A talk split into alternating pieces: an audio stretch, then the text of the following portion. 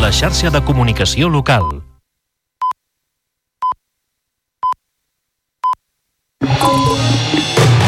Notícies en xarxa, edició matí. Amb Taís Trujillo. Bon dia. Reunió aquest dilluns entre el govern espanyol i la Generalitat a Barcelona per abordar solucions a l'emergència per sequera a Catalunya. A la trobada s'hi abordarà la possibilitat de dur vaixells amb aigua des de Sagunt a València cap a finals de primavera, si no plou. És un oferiment del Ministeri que seria la darrera opció. Acció Climàtica posarà damunt la taula l'ampliació de la desalinitzadora de la Tordera i l'inici de la del Foix, unes obres compromeses per Madrid. Tot plegat mentre s'insisteix un cop més que no hi haurà un transbassament de l'Ebre. Doncs així encapçalem el Notícies en xarxa d'aquest dilluns dia 5 de febrer i al punt de les 7 del matí repassem també altres titulars. Avui arrenca el judici contra Dani Alves per agressió sexual en una discoteca. L'exfutbolista del Barça en presó preventiva des de fa més d'un any s'enfronta a 12 anys de presó després de canviar d'advocats i de versió diversos cops. L'Audiència de Barcelona ha rebutjat que la vista es faci a porta tancada a excepció de la declaració de la denúncia. Primer dia laborable, un cop restablerta la circulació de trens a la línia R3 entre Parets del Vallès i la Garriga. S'acaba així un tall que s'ha allargat gairebé 4 mesos per les obres de desdoblament de la infraestructura. En esports, el Barça segueix llançat cap, a, cap al títol de la Lliga F. Les blaugranes van golejar per 4-0 l'Sporting de Huelva i encapçalen amb fermesa la classificació amb 15 victòries en 15 partits. Dos gols de Pina, un de Hansen i un altre de Brooks mantenen el Barça líder amb 9 punts sobre el Real Madrid. I en cultura, Creatura i saben aquells s'imposen a la setzena edició dels Premis Gaudí del cinema català. David Verdaguer ha rebut el guardó a millor protagonista masculí, Carolina Juste, millor protagonista femenina, Clara Segura, millor actriu secundària i Mentre siguis tu, l'aquí ara, de Carmelies, el Gaudí a millor pel·lícula documental. La coproducció de la xarxa Quico Sabater s'ha alçat amb el premi a millor pel·lícula per a televisió. Repassats els titulars, ara obrim àrea de servei. En primer lloc volem saber com se circula aquesta hora per la xarxa viària catalana, per tant connectem amb el RAC i amb l'Àlex Huguet. Bon dia.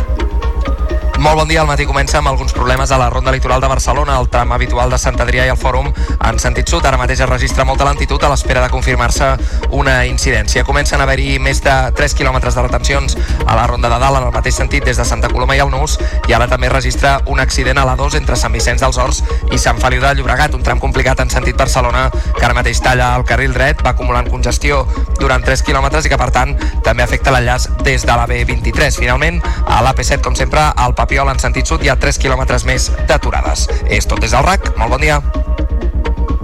I ara la previsió del temps, eh, Lluís Miquel Pérez, molt bon dia. Bon dia, comença la setmana de moment amb un temps totalment estancat. Per tant, hi haurà dos mons avui a Catalunya. De moment aquest matí, amb aquesta boira ben densa, ben humida, almenys va fent saó a les comarques del Pla de Lleida i també a la Vall de l'Ebre. I a la resta del país, simplement quatre núvols prims i amb una temperatura que no és especialment baixa. De fet, hi ha molt poques gelades i també a cotes elevades la temperatura és suau. Aquesta tarda, una altra vegada, un ambient molt més càlid del que és habitual, potser ja no tant com ahir, sobretot a les comarques de Girona, però serà fàcil encara assolir els 20 graus de màxima, tret del Pla de Lleida, on la boira no s'acabarà de desfer i l'ambient quedarà molt més fresquet. Us seguirem a la xarxa. Notícies en xarxa, edició matí.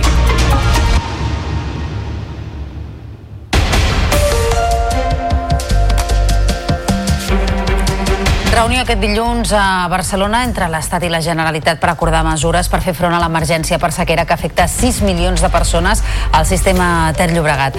La trobada entre la ministra per la Transició Ecològica, Teresa Rivera, i el conseller d'Acció Climàtica, David Mascort, podria servir per concretar la possibilitat de dur aigua en vaixells des de València cap a Catalunya a finals de primavera si no plou, com s'ha plantejat aquest cap de setmana. Una darrera opció que estarà damunt la taula per bé que el govern català també insistirà en solucions com l'ampliació de la desaladora de la Tordera i l'inici de la del Foix per garantir de manera estructural l'abastiment d'aigua. Aquestes opcions, sumades a la modernització dels regadius, ja estan compromeses pel govern espanyol amb més de 500 milions d'euros. I el plantejament d'acabar portant aigua en vaixell des de València a partir del juny, si no plou, ha generat tota mena de reaccions polítiques, des del compromís de la Generalitat a descartar un transbassament de l'Ebre fins a les crítiques de l'oposició per haver arribat a aquest extrem d'excepcionalitat. El PP ha tret pit de l'ajut que pot prestar un dels seus governs autonòmics, el PSC ha cridat a la cohesió i els comuns lamenten el que consideren com una mala gestió de l'aigua.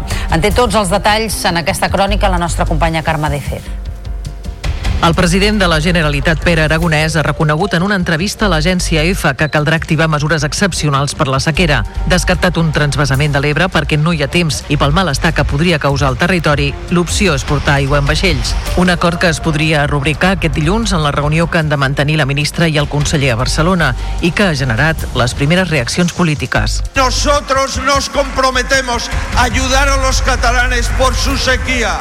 Por supuesto que sí. Y tenemos tenemos que hacer más, porque tienen un problema de primer nivel. L'Espanya generosa, l'Espanya cohesionada territorialment.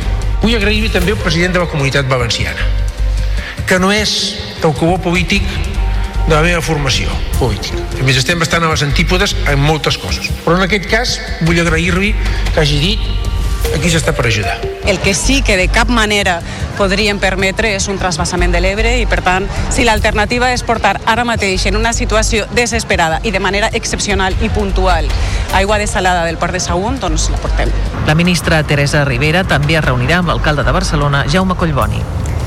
I encara parlant de les conseqüències de la sequera, l'Ajuntament de Santa Margarida i els monjos a l'Alt Penedès s'ha vist obligat a talar gairebé un centenar d'arbres de diferents espais que es troben totalment secs o en molt mal estat degut a l'estrès hídric d'aquests darrers mesos. La manca de pluges i el fet que s'hagi hagut de minimitzar el rec ha afectat moltes espècies d'arbustos i plantes dels parcs del municipi. Ens ho expliquen des de Penedès TV. La mesura s'ha pres per assegurar la supervivència dels arbres del voltant i assegurar-los un major aprofitament dels recursos hídrics dels que es disposen, com remarca el tècnic de Medi Ambient de l'Ajuntament de Santa Margarida i els monjos, Josep Maria Calaf. Hem cregut convenient fer això, una tala selectiva d'aquells arbres que realment estan morts i que ara mateix, a més, per la dificultat que tenim per regar per les condicions de sequera, doncs igual no els podrem reposar de forma imminent i procurar eh, intentar doncs, salvar el màxim del que és el verd urbà eh, de cara doncs, a l'objectiu de, de garantir altres objectius que tenim de, de, de refugi climàtic i d'intentar doncs, millorar el verd urbà, urbà i de fet també promoure que sigui eh, biològicament també més ric. Calaf destaca però que malgrat tot caldrà repensar arreu com es fa la gestió del verd urbà per fer-lo més sostenible. Cada vegada hi ha menys ramaders al Ripollès que fan la transhumància. El motiu és principalment la falta de pastures a causa del canvi climàtic i la sequera. Si abans optaven per anar cap a l'Empordà durant l'hivern, ara prefereixen quedar-se a casa. La seva tasca s'ha hagut de reconvertir per adaptar-se a aquesta nova situació que els ha agafat gairebé per sorpresa. Ens ho explica la Judit Espert des de la televisió del Ripollès. És època de transhumància, però aquesta activitat centenària entre els ramaders va perdent adeptes. El bestiar migra segons l'època de l'any cercant les pastures, a l'estiu cap a muntanya i a l'hivern a la plana. Al Ripollès bona part dels pastors traslladen els ramats a l'Empordà i molts encara són fidels a aquesta pràctica, tot i que la sequera i les condicions meteorològiques no garanteixen el menjar ni a un lloc ni a l'altre. Ja vaja pel problema que hi ha molt poc menjar al camp, bueno, molt poc per dir quasi bé res, només nascut, el menjar només ha nascut, hem deixat més vaques aquí perquè eh, primer de tot evita costos ja de traslladar bestiar cap aquí, cap allà i aquí eh, les fem viure per aquí donant-los i menjar per aquí fora perquè el problema que tenim també aquí dalt ara que hem quedat amb una quadra sense aigua que venia d'un rec, aquest rec s'ha aixugat El mas La Moixa de Llanàs han hagut de netejar les deveses per ubicar-hi les vaques i donar-los menjar perquè traslladar-les a l'Empordà ja no és una opció. Anys enrere de les bales que collien a Figueres es traien un sobresou, però ara aquestes les necessiten per alimentar el seu ramat. De fet, encara n'han hagut de comprar perquè no n'han tingut prou i el cost d'aquestes s'ha duplicat. Malauradament, la previsió no és massa bona i els ramaders van perdent l'optimisme de mica en mica. La sequera els està complicant encara més la seva tasca i no auguren un futur gaire prometedor. I pagesos i ramaders han protestat en les darreres hores contra les polítiques agràries en marxes lentes organitzades a diferents punts de la demarcació de Lleida. Les mobilitzacions s'han dut a terme a la C14, a l'Alt Urgell i a la Noguera i a la C13 al Pallars Jussà, dificultant la circulació de vehicles i el trajecte de tornada de la població que ha passat el cap de setmana a les comarques de muntanya.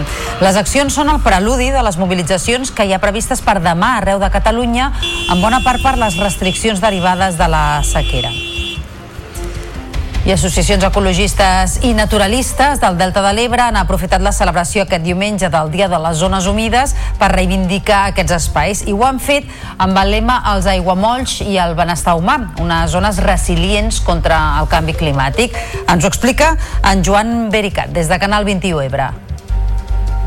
Aquesta celebració destaca la importància de valorar i protegir aquestes àrees vitals, subratllant que cada aiguamoll és essencial i que cada esforç individual compta. Les zones humides juguen un paper crucial en els cops meteorològics que rep el delta i ajuda les Terres de l'Ebre a ser un territori més resilient contra el canvi climàtic. Marc Vinyas, coordinador del CEO BirdLife Terres de l'Ebre, fa incís en la problemàtica. En el cas del delta de l'Ebre, una zona tan fràgil i tan amenaçada pel tema del canvi climàtic i del, com ja ens ha mostrat fa anys, el temporal Glòria, que està tan exposat a aquests efectes dels temporals de mar, el fet de tindre aquestes zones costaneres naturalitzades permeten que aquestes zones, com més amples siguen, aquestes zones naturals, poden esmorteir aquests efectes dels temporals de mar. La jornada ha servit com a oportunitat per recordar la importància de preservar aquestes zones en aquests moments d'incertesa i de sequera que el territori està vivint.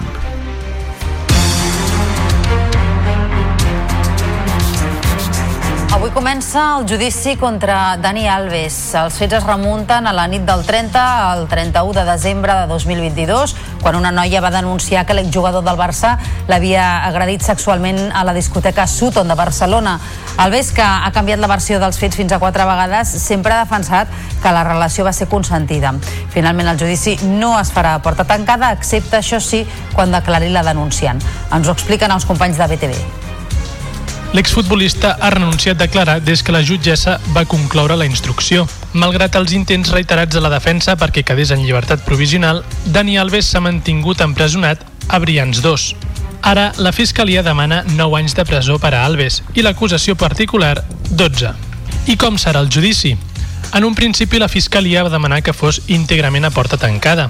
Finalment, però, l'audiència ho ha rebutjat per l'interès mediàtic del cas i només ho serà la declaració de la víctima, com acostuma a ser habitual.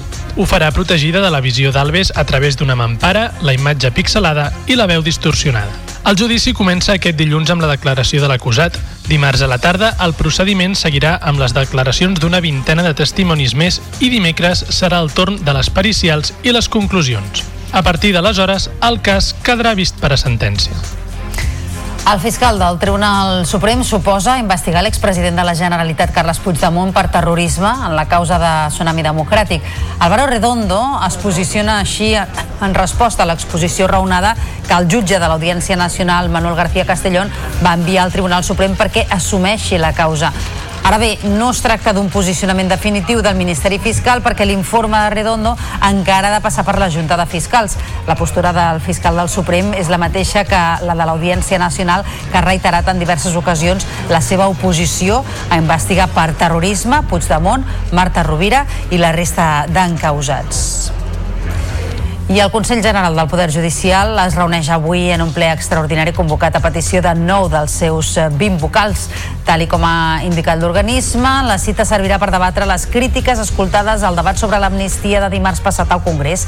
Allà, partits com Esquerra, Junts, Podem o Sumar van llançar retrets contra la judicatura en un moment marcat per les darreres novetats dels casos Volhoff i Tsunami Democràtic.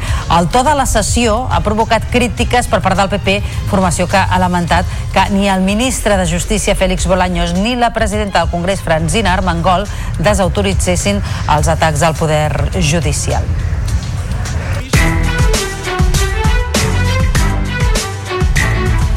Restablerta la circulació de trens a la línia R3 entre Parets del Vallès i la Garriga, que avui afronta la veritable prova de foc. Primer dia laborable en funcionament, on s'espera que 12.000 passatgers en tornin a fer ús i amb els mateixos horaris que abans de l'aturada. Un servei entre Parets i Figaró interromput durant tres mesos per les obres de desdoblament de la línia i que Adif ha substituït pel recorregut alternatiu amb autobús. S'han invertit fins a 155 milions d'euros en la millora d'aquest tram, una demanda històrica del territori que augmentarà el número de circulacions i la fiabilitat i eficàcia dels convois. Ahir, aprofitant que era diumenge, es restablia el servei que, segons queixes dels mateixos usuaris, no va anar del tot a l'hora crec que veníem retard de 50 minuts. Hem vingut 50 minuts, hem arribat aquí a Canovella 50 minuts més tard del que teníem previst. La megafonía nova, máquinas no van, eh, los trenes pasan con muchísimo retraso. No saben per on passarà, no saben quant temps tardarà, en fi, un cacau. I aquest diumenge a la tarda hem hagut de lamentar dos accidents de gravetat a la mateixa xarxa viària, la C66, la carretera que uneix altrament a Palafugell i Besalú. Vuit persones han resultat ferides, sis de les quals de gravetat. En el primer dels sinistres, a quarts de tres de la tarda, a l'altura de Serinyà, al Pla de l'Estany, quatre persones van resultar ferides, dues d'elles de gravetat, en un xoc entre un cotxe i una furgoneta. Es van activar quatre ambulàncies i un helicòpter del SEM, a més de cinc dotacions dels bombers per fer tasques d'excarceració. Dues hores més tard, també a la C66, però a l'altura de Flaçà, quatre persones més, entre les quals un menor, van patir ferides de diversa consideració després d'una col·lisió frontal entre tres vehicles. Entre els ferits hi ha una persona en estat crític, dues en estat greu i una quarta en estat menys greu. Tots van ser evacuats a l'Hospital Trueta de Girona. Al lloc de l'accident s'hi van desplaçar tres ambulàncies i dos helicòpters medicalitzats. I la Guàrdia Civil manté oberta una investigació per esbrinar les causes de l'accident en què un submarinista de 43 anys va morir dissabte davant la costa de Roses, a l'Alt Empordà. Segons les primeres investigacions, l'afectat hauria tingut un problema amb l'equip d'immersió patint una mala descompressió en sortir massa ràpid a la superfície.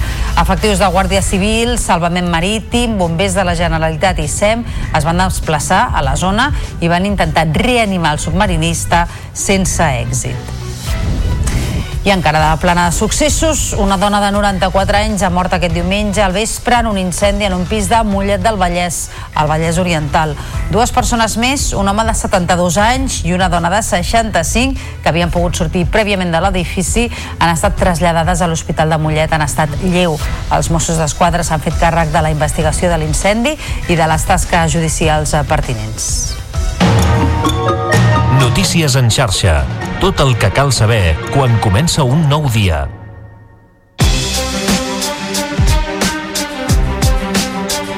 Un context d'augment del càncer arreu del món, a Espanya es preveuen el 2,6% més de diagnòstics aquest 2024. La dada positiva és que la supervivència també ha augmentat i molt. En 40 anys s'ha duplicat el nombre de pacients que superen la malaltia. Aquest diumenge ha estat el Dia Mundial contra el Càncer i el Departament de Salut ha posat les dades de Catalunya negre sobre blanc. Ens ho explica la Núria Perera. 42.111. Aquesta és la xifra de tumors malignes que s'estima que es van diagnosticar a Catalunya durant el 2023, segons dades del Pla Director d'Oncologia i els registres de càncer de Girona, Lleida i Tarragona. En el cas dels homes en van ser 23.945 i en les dones 18.166, representant un 63,4% i un 59,8% respectivament del total de casos diagnosticats. El de pròstata ha estat el més freqüent en homes amb un total de 4.850 casos, seguit del colorectal rectal i el de pulmó. Pel que fa a les dones, amb 5.337 diagnòstics, el més freqüent ha estat el de mama, seguidament coincidint amb els homes el colorectal i el de pulmó. La supervivència relativa al càncer als 5 anys del diagnòstic mostra que les dones tenen una millor supervivència que els homes, d'un 65,3% i un 53,7% respectivament. Els tumors amb millor supervivència en les dones són els de tiroides, amb un 97,7%. En el cas dels homes són els de testicle amb un 93,8%. Ara sobre el càncer, la intel·ligència artificial s'ha convertit en una bona aliada per als investigadors que fins ara han hagut de comptabilitzar els casos de forma manual. Digitalitzar les mostres ha portat un seguit d'avantatges a la feina que es fa als hospitals. Ens ho expliquen des de Canal 21 Ebre i TV Badalona. Substituir el microscopi per l'ús d'eines digitals i fer un recompte de biomarcadors més ràpid, segur i precís. Això durant molt de temps l'hem fet de forma manual, de forma artesanal. Avui dia, amb les tècniques de quantificació, en aquest cas per intel·ligència artificial, doncs ens ha afavorit, eh, ens ha afavorit el treball en el sentit de que ens aporta major rapidesa i ens aporta també eh, major eh, grau de eh, sensibilitat eh, i d'exactitud. La digitalització de les mostres ha permès disposar d'una gran base de dades a partir de la qual s'han creat algoritmes d'intel·ligència artificial que no només permet millorar els diagnòstics, sinó també fer prediccions. L'algoritme, amb totes aquestes anotacions, ha après a diferenciar el que nosaltres considerem el positiu i negatiu. I en base a això eh, s'ha creat aquest algoritme que eh, ja podem aplicar a tots els casos. Un hospital com el de Badalona digitalitza, per exemple, un miler de mostres cada dia. Música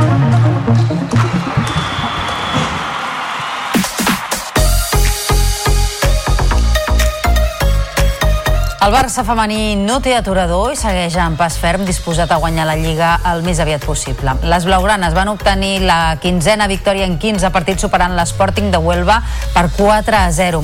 Clàudia Pina va obrir la llauna amb un magistral llançament de falta i minuts després va notar la segona diana des dels 11 metres. Ja la represa la protagonista va ser Hansen. Primer amb una gran acció individual que va finalitzar amb el 3-0 i després va fer l'assistència a Brooks per tal que fes el 4-0 definitiu. Les blaugranes segueixen líders invictes. El Llevant les Planes per la seva banda empataven els darrers minuts contra un combatiu Tenerife. El conjunt local, molt més intens, aconseguia posar-se per davant ràpidament al minut 4. A la represa, el conjunt de Sant Joan d'Espí reaccionava i aconseguia empatar el maig en el tram final del partit mitjançant Jessica Martínez. La mala notícia de l'enfrontament va ser la lesió d'Amanda Frisby, que havia de marxar del terreny de joc en Llitera. El Llevant les Planes, que dirigeix Ferran Cabello, se situa en desena posició amb 18 punts. sumamos un punto en, un partido donde creo que una parte ha sido para el Tenerife, la segunda para nosotros, un partido de, de muy poco juego, donde han habido muchas situaciones eh, caóticas, ningún equipo ha conseguido eh, controlar la parte ofensiva y al final el equipo se arriesgaba a tener el balón, sufría en contraataques. Creo que es un punto merecido por parte de los dos, un partido que se queda en tablas y poca historia más. A segona divisió, Luis Miguel Ramis salva el cap a la banqueta de l'Espanyol amb un gol de penal de Braithwaite al minut 97 que donava el triomf als blanquiblaus sobre el Llevant. El gol del triomf va arribar en el darrer minut de l'afegit des dels 11 metres, després que la pilota impactés el braç del capità grana Pablo Martínez. Enmig d'un ambient enrarit per les darreres actuacions de l'equip, els blanquiblaus s'havien avançat amb gol de Braithwaite només començar. El pitxitxi de la categoria marcava l'1-0, però en la represa el Llevant va igualar el marcador gràcies a una diana de Dela en jugada d'estratègia. El Llevant va reclamar un penal que l'àrbitre no va veure i amb el triomf l'Espanyol se situa a un punt de l'ascens directe. Així responia Ramis a com encaixa les constants crítiques que rep des de la grada. Muy fácil, te lo resumo en una palabra, con profesionalidad. Eso incluye mucho. Como siempre, con profesionalidad, que incluye mucha responsabilidad, eh, bueno, muchísimas cualidades que nos hacen falta para situaciones de estas y como estamos expuestos a este tipo de situaciones, el que no esté dispuesto ya sabemos lo que tiene que hacer. Yo sí lo estoy.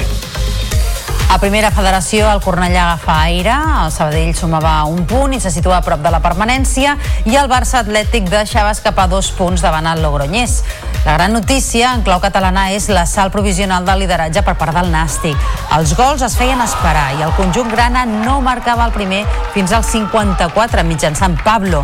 Dos minuts després marcava Jardí. Aquesta era la dotzena victòria dels grana en 22 partits. Primera divisió, empat a un, al derbi madrileny, al Bernabéu, un resultat que permet al Girona continuar a dos punts del Real Madrid a la classificació. Llorente, al temps afegit, va fer el gol de l'empat per als matalassers, després que Brahim avancés als blancs al primer temps. I més qüestions esportives. A la Lliga Endesa, el Barça va perdre davant el València Bàsquet i continua a la tercera posició de la taula. Els de Roger Grimau no van poder tancar una setmana perfecta després d'un partit vibrant amb molta intensitat. La Provítola va tenir l'opció d'empatar el duel, però no va ser possible. El parcial de 0-16 del tercer període va permetre als d'Àlex Montbrú remuntar i capgirar el marcador. Satoransky i Javari Parker van ser els millors jugadors del conjunt blaugrana. I el Baxi Manresa superava el Granada a domicili amb un triple de Marcis Steinbergs quan faltava poc més d'un segon per al final del partit. Els del Baja s'imposaven 93 a 94, sumaven la dotzena victòria del curs i són vuitens amb la permanència virtual a la butxaca. Per la seva banda, el Girona queia a la pista de l'actual campió d'Europa, el Real Madrid. El primer quart era dels blancs, amb un contundent 28 a 18. El segon període era dels gironins, que s'arribaven a situar només dos punts per sota gràcies al joc col·lectiu de l'equip. A la segona part, però, els de Xus Mateo ampliaven la distància al marcador fins a més de 10 punts. El partit acabava amb un ampli 92 a 79 a favor dels blancs. Tot i la bona imatge dels de Caris, no era suficient per derrotar el líder. Sis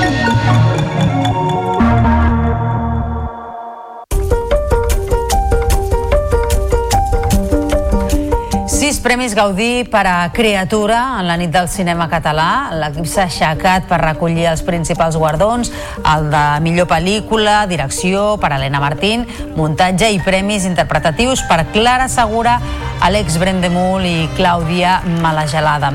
L'altra gran triomfadora ha estat Saben aquell, l'homenatge de David Trueba a Eugenio, que ha guanyat set estatuetes. Les de millors protagonistes per Carolina Juste i David Verdaguer i diverses de tècniques. La coproducció de la xarxa i TV3, Quico Sabater, sense destí, s'han portat el premi a millor pel·lícula per a televisió. Ha estat una gala amb molts parlaments reivindicatius com el d'Helena Martín quan ha recollit el Premi Gaudí a la millor direcció.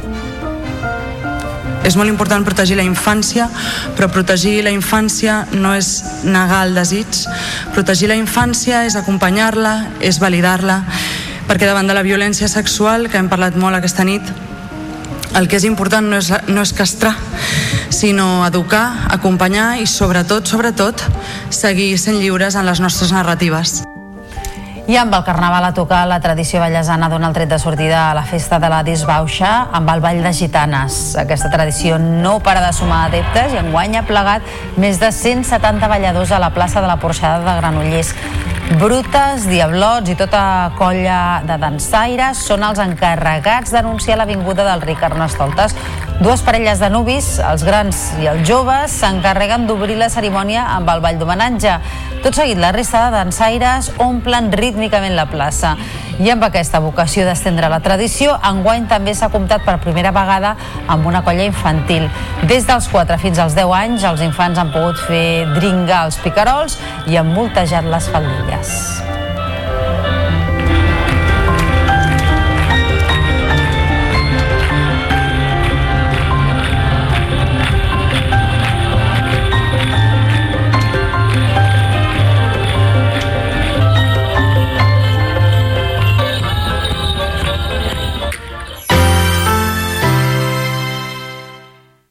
La xarxa de comunicació local. Torna la Magic Line del Sant Joan de Déu. Feu un equip d'entre 4 i 20 persones, marqueu-vos un repte econòmic solidari i trieu el vostre recorregut. El 17 de març caminarem per qui més ho necessita. Inscriu-te a magiclinesjb.org. Som el que compartim. Torna al Festival Subtraveling.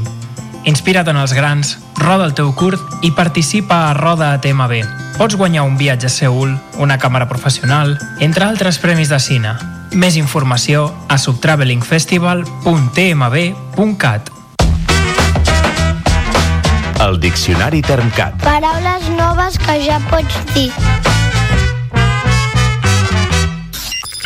Transgènere. Persona que no s'identifica amb el gènere que li va ser assignat en néixer segons les seves característiques biològiques, sigui perquè se sent del gènere contrari o bé perquè la seva identitat no s'ajusta a les categories de gènere tradicionalment establertes. Aquest terme engloba tot el ventall de persones amb identitats de gènere no normatives, transexuals, queers, persones de gènere fluid o persones a gènere, entre d'altres.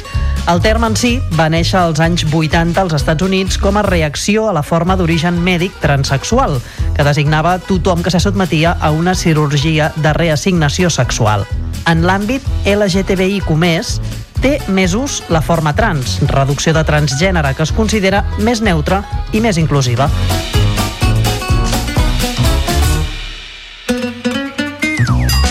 Si les paraules noves t'agraden, no et pots perdre el podcast Paraules Habitables a la xarxa Més. Una producció de la xarxa i el Termcat. La xarxa de comunicació local.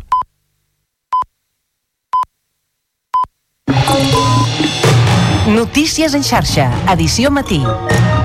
Amb Taís Trujillo. Bon dia, són dos quarts de vuit del matí i avui encapçalem el Notícies en xarxa amb la reunió d'aquest dilluns entre el govern espanyol i la Generalitat a Barcelona per abordar solucions a l'emergència per sequera a Catalunya. A la trobada s'hi abordarà la possibilitat de dur vaixells amb aigua des de Sagunt a València cap a finals de primavera, si no plou. És un oferiment del Ministeri que seria la darrera opció. Acció Climàtica posarà damunt la taula l'ampliació de la desalinitzadora de la Tordera i l'inici de la del Foix, unes obres compromeses per Madrid. Tot plegat mentre s'insisteix un cop més que no hi haurà un transvasament de l'Ebre. De seguida us ho ampliarem perquè parlarem amb Rosa Pruna, que és la portaveu de Saja a Catalunya. Abans, però, fem un repàs a la resta de titulars d'aquest dilluns 5 de febrer. Avui arrenca el judici contra Dani Alves per agressió sexual en una discoteca. L'exfutbolista del Barça en presó preventiva des de fa més d'un any s'enfronta a 12 anys de presó després de canviar d'advocats i de versió diversos cops. L'Audiència de Barcelona ha rebutjat que la vista es faci a porta tancada, a excepció de la declaració de la denunciant. Primer dia laborable, un cop restablerta la circulació de trens a la línia 3 entre Parets del Vallès i la Garriga. S'acaba així un tall que s'ha allargat gairebé 4 mesos per les obres de desdoblament de la infraestructura. En esports, el Barça segueix llançat cap al títol de la Lliga F. Les blaugranes van golejar per 4-0 l'Sporting de Huelva i encapçalen la fermesa, eh, amb fermesa la classificació amb 15 victòries en 15 partits. Dos gols de Pina, un de Hansen i un altre de Brooks mantenen el Barça líder amb 9 punts sobre el Real Madrid. Criatura i Saben aquell s'imposen a la setzena edició dels Premis Gaudí del cinema català. David Verdaguer ha rebut el guardó a millor protagonista masculí, Carolina Juste, millor protagonista femenina, Clara Segura, millor actriu secundària i Mentre siguis tu, l'aquí i ara de Carme Elias, el Gaudí a millor pel·lícula documental. La coproducció de la xarxa Quico Sabater s'ha alçat amb el premi a millor pel·lícula per a televisió. I ara obrim plana de serveis amb el trànsit. Segons el RAC, hi ha hagut un accident entre Sant Feliu de Llobregat i Sant Vicenç dels Horts i provoca moltes cues a la 2 en sentit Barcelona. 8 quilòmetres de congestió des de Pallejà i també molta congestió durant 7 quilòmetres més a la B23 des de Molins de Rei i fins a l'enllaç amb la 2. A la mateixa via també hi ha una incidència entre Abrera i Martorell en sentit est i hi ha 4 quilòmetres més de lentitud. I retencions habituals a la C58 en els dos sentits de la marxa des de Montcada i Reixac i també molta lentitud a les rondes. I pel que fa a la previsió del temps, comencem setmana amb temperatures més càlides de l'habitual per al mes de febrer. Sí que farà més fresca per la boira durant el matí, al Pla de Lleida i a la Vall de l'Ebre, però els termòmetres arribaran als 23 o 24 graus al prelitoral de Girona i Barcelona i a bona part de la Catalunya central.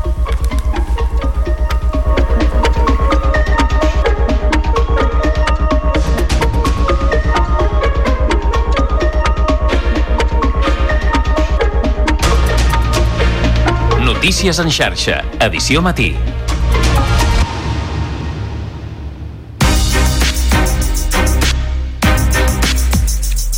Reunió aquest dilluns a Barcelona entre l'Estat i la Generalitat per tal d'acordar mesures per fer front a l'emergència per sequera que afecta 6 milions de persones al sistema Ter Llobregat.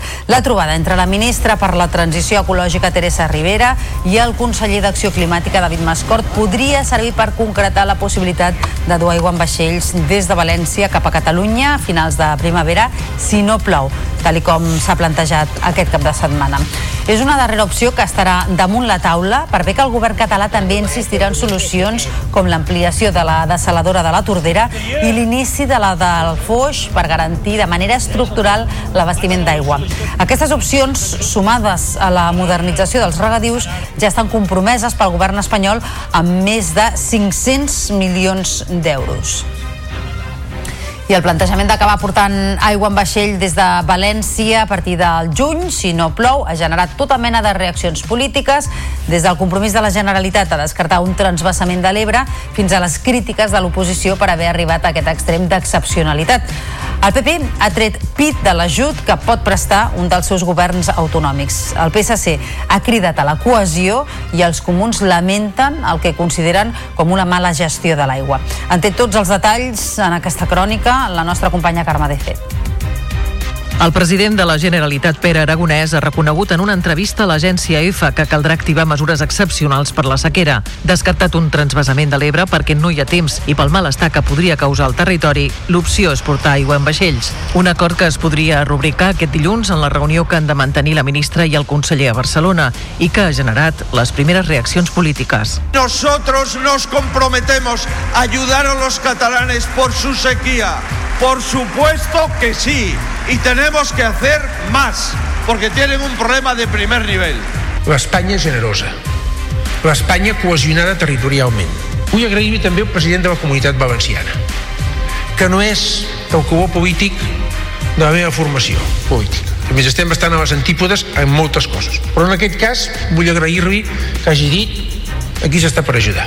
El que sí que de cap manera podríem permetre és un trasbassament de l'Ebre i, per tant, si l'alternativa és portar ara mateix en una situació desesperada i de manera excepcional i puntual aigua desalada del port de Sagunt, doncs la portem. La ministra Teresa Rivera també es reunirà amb l'alcalde de Barcelona, Jaume Collboni. Doncs eh, precisament l'Ajuntament de Barcelona ha accelerat el procés per iniciar les obres de millora de la xarxa freàtica i així ha aconseguit 200 milions de litres més d'aigua d'aquest origen per a usos municipals. L'alcalde, Jaume Collboni, ha signat un decret d'alcaldia que permetrà al consistori desemborsar 14,4 milions d'euros ja assignats, però 10 mesos abans del que estava previst inicialment. La decisió coincideix de ple amb l'entrada de Barcelona en la fase d'emergència per sequera. Les obres per millorar la xarxa d'aigua freàtica està previst que acabin el 2025 i es faran en set entorns diferents de la ciutat. Penseu que en els darrers 20 anys s'havien invertit 20 milions d'euros en obtenció d'aigua freàtica. Gràcies a les inversions que ha fet l'Ajuntament en treure aigua no potable del subsol, ens permet afrontar un episodi d'aquesta gravetat amb garanties de que podem regar parcs, jardins i també baldejar eh, els carrers i les places de la ciutat. Pagesos i ramaders han protestat en les darreres hores contra les polítiques agràries en marxes lentes organitzades en diferents punts de la demarcació de Lleida. Les mobilitzacions s'han dut a terme a la C14, a l'Alt Urgell i a la Noguera i a la C32 a la C13, volem dir, al Pallars Jussà, dificultant d'aquesta manera la circulació de vehicles i el trajecte de tornada de la població que ha passat el cap de setmana a les comarques de muntanya. Les accions són el preludi de les mobilitzacions que hi ha previstes per demà arreu de Catalunya, en bona part per les restriccions derivades de la sequera.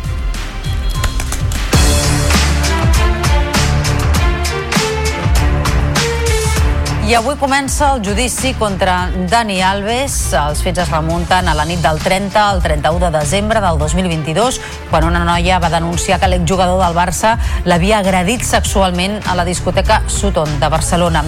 Avui serà el torn de la declaració d'Alves, que ha canviat la versió dels fets fins a quatre vegades i que sempre ha defensat que la relació va ser consentida. L'Audiència de Barcelona ha rebutjat que el judici es faci a porta tancada de forma general, però sí que ho ha acceptat en el cas de la declaració de de la denunciant. La Fiscalia demana una pena de 9 anys de presó, mentre que l'acusació particular eleva la demanda a 12.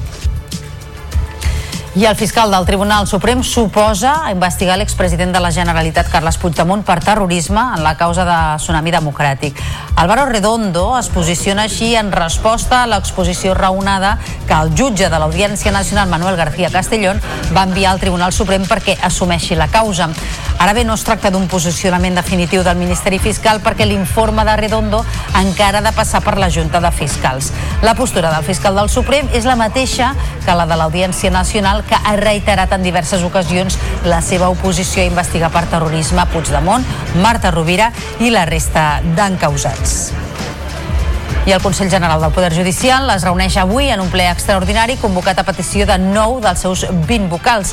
Tal com ha indicat eh, l'organisme, la cita servirà per debatre les crítiques escoltades al debat sobre l'amnistia de dimarts passat al Congrés. Allà, partits com Esquerra, Junts, eh, Podem o Sumar van llançar retrets contra la judicatura en un moment marcat per les darreres novetats dels casos Volhov i Tsunami Democràtic.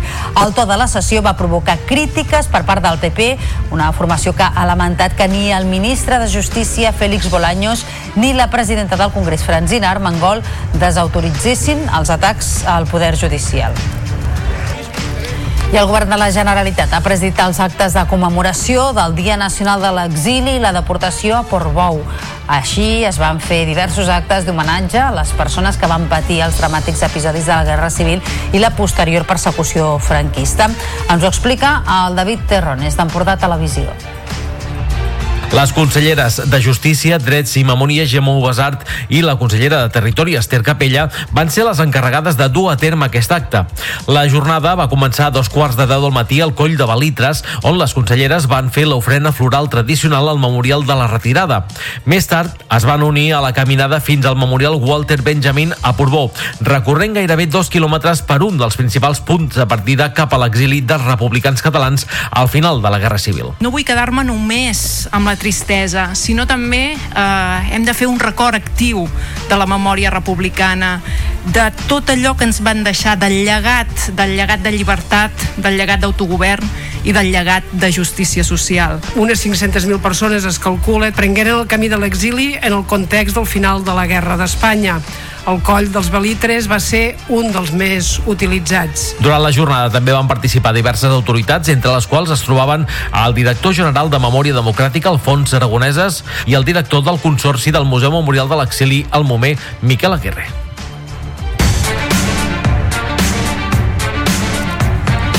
Restablerta la circulació de trens a la línia R3 entre Parets del Vallès i la Garriga, que avui afronta la veritable prova de foc. Primer dia laborable en funcionament, on s'espera que 12.000 passatgers en tornin a fer ús i amb els mateixos horaris que abans de l'aturada. Un servei entre Parets i Figaró interromput durant 3 mesos per les obres de desdoblament de la línia i que Adif ha substituït pel recorregut alternatiu amb autobús. S'han invertit fins a 155 milions d'euros en la millora d'aquest tram, una demanda històrica del territori, que augmentarà el número de circulacions i la fiabilitat i eficàcia dels convois. Ahir, aprofitant que era diumenge, es restablia el servei que, segons queixes dels mateixos usuaris, no va anar del tot a l'hora. Crec que veníem retard de 50 minuts. Hem vingut 50 minuts, hem arribat aquí a Canovella 50 minuts més tard del que teníem previst. La megafonía no va, máquinas no van, eh, los trenes pasan con muchísimo retraso. No sabem per on passarà, no sabem quant temps tardarà, en fi, un cacau. I aquest diumenge a la tarda hem hagut de lamentar dos accidents de gravetat a la mateixa via, la C-16, la carretera que uneix el tram entre Palafrugell i Besalú. Vuit persones han resultat ferides, sis de les quals de gravetat. En el primer dels sinistres, a quarts de tres de la tarda, a l'altura de Serinyà, al Pla de l'Estany, quatre persones van resultar ferides, dues d'elles de gravetat, en un xoc entre un cotxe i una furgoneta. Es van activar quatre ambulàncies i un helicòpter del SEM, a més de cinc dotacions dels bombers per fer tasques d'excarceració. I dues hores més tard, també a la C-16, però a l'altura de Flaçà, quatre persones més, entre les quals una menor, van patir ferides de diversa consideració després d'una col·lisió frontal entre tres vehicles. Entre els ferits hi ha una persona en estat eh, crític, dues en estat greu i una quarta en estat menys greu. Tots van ser evacuats a l'Hospital Trueta de Girona i al lloc de l'accident s'hi van desplaçar tres ambulàncies i dos helicòpters medicalitzats. I la Guàrdia Civil manté oberta una investigació per esbrinar les causes de l'accident en què un submarinista de 43 anys va morir dissabte davant la costa de Roses, a l'Alt Empordà. Segons les primeres informacions, l'afectat hauria tingut un problema amb l'equip d'immersió patint una mala descompressió en sortir massa ràpid a la superfície. Efectius de la Guàrdia Civil, Salvament Marítim, bombers de la Generalitat i SEM es van desplaçar a la zona i van intentar reanimar el submarinista sense èxit èxit. La pre... I encara de la plana de successos, una dona de 94 anys ha mort aquest diumenge al vespre en un incendi en un pis de Mollet del Vallès, al Vallès Oriental. Dues persones més, un home de 72 anys i una dona de 65 que havien pogut sortir prèviament de l'edifici, han estat traslladades a l'Hospital de Mollet en estat lleu. Els Mossos d'Esquadra s'han fet càrrec de la investigació de l'incendi i també de les tasques judicials pertinents. I la pressió veïnal ha fet efecte i els veïns del barri de Sant Ramon a Barcelona han aconseguit el compromís del districte de les Corts perquè els camions de la Pedrera als terrenys del mini-estadi canvin de recorregut. Deixaran de sortir pel carrer del Cardenal Reig i ho faran per la rotonda on es creuen els carrers de Doctor Maranyón i Aristides Mayol. La solució allunyarà els camions de la zona d'habitatges i busca minimitzar també les molèsties per la pols que aixeca les obres. El president de l'Associació de Veïns de Sant Ramon, Andrés Quílez, es mostra satisfet amb aquesta mesura. Queremos poner en valor la lucha de los vecinos en conseguir esta tranquilidad y quitar esta contaminación, que no se va toda, pero se mejora muchísimo.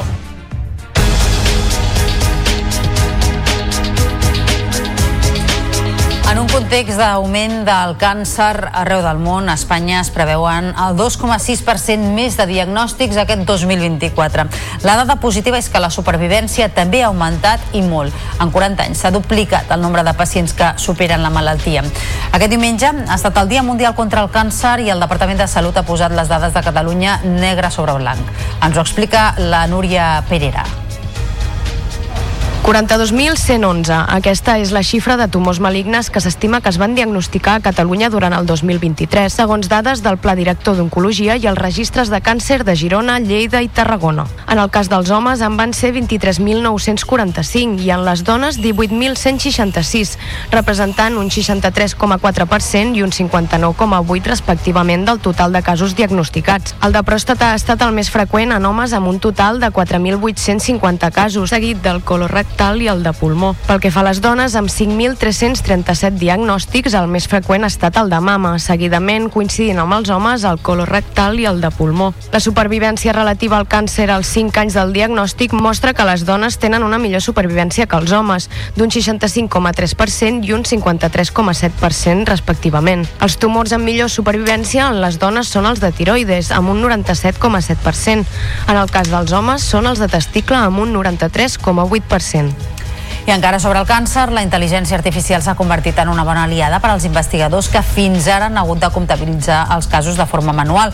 Digitalitzar les mostres ha portat un seguit d'avantatges a la feina que es fa als hospitals. Ens ho explica la Norma Lebrero. Substituir el microscopi per l'ús d'eines digitals i fer un recompte de biomarcadors més ràpid, segur i precís. Això durant molt de temps l'hem fet de forma manual, de forma artesanal. Avui dia, amb les tècniques de quantificació, en aquest cas per intel·ligència artificial, doncs ens ha afavorit, eh, ens ha afavorit el treball en el sentit de que ens aporta major rapidesa i ens aporta també eh, major eh, grau de eh, sensibilitat eh, i d'exactitud. La digitalització de les mostres ha permès disposar d'una gran base de dades a partir de la qual s'han creat algoritmes d'intel·ligència artificial que no només permet millorar els diagnòstics, sinó també fer prediccions. L'algoritme, amb totes aquestes anotacions, ha après a diferenciar el que nosaltres considerem el positiu i negatiu. I en base a això eh, s'ha creat aquest algoritme que eh, ja podem aplicar a tots els casos. Un hospital com el de Badalona digitalitza, per exemple, un miler de mostres cada dia. Música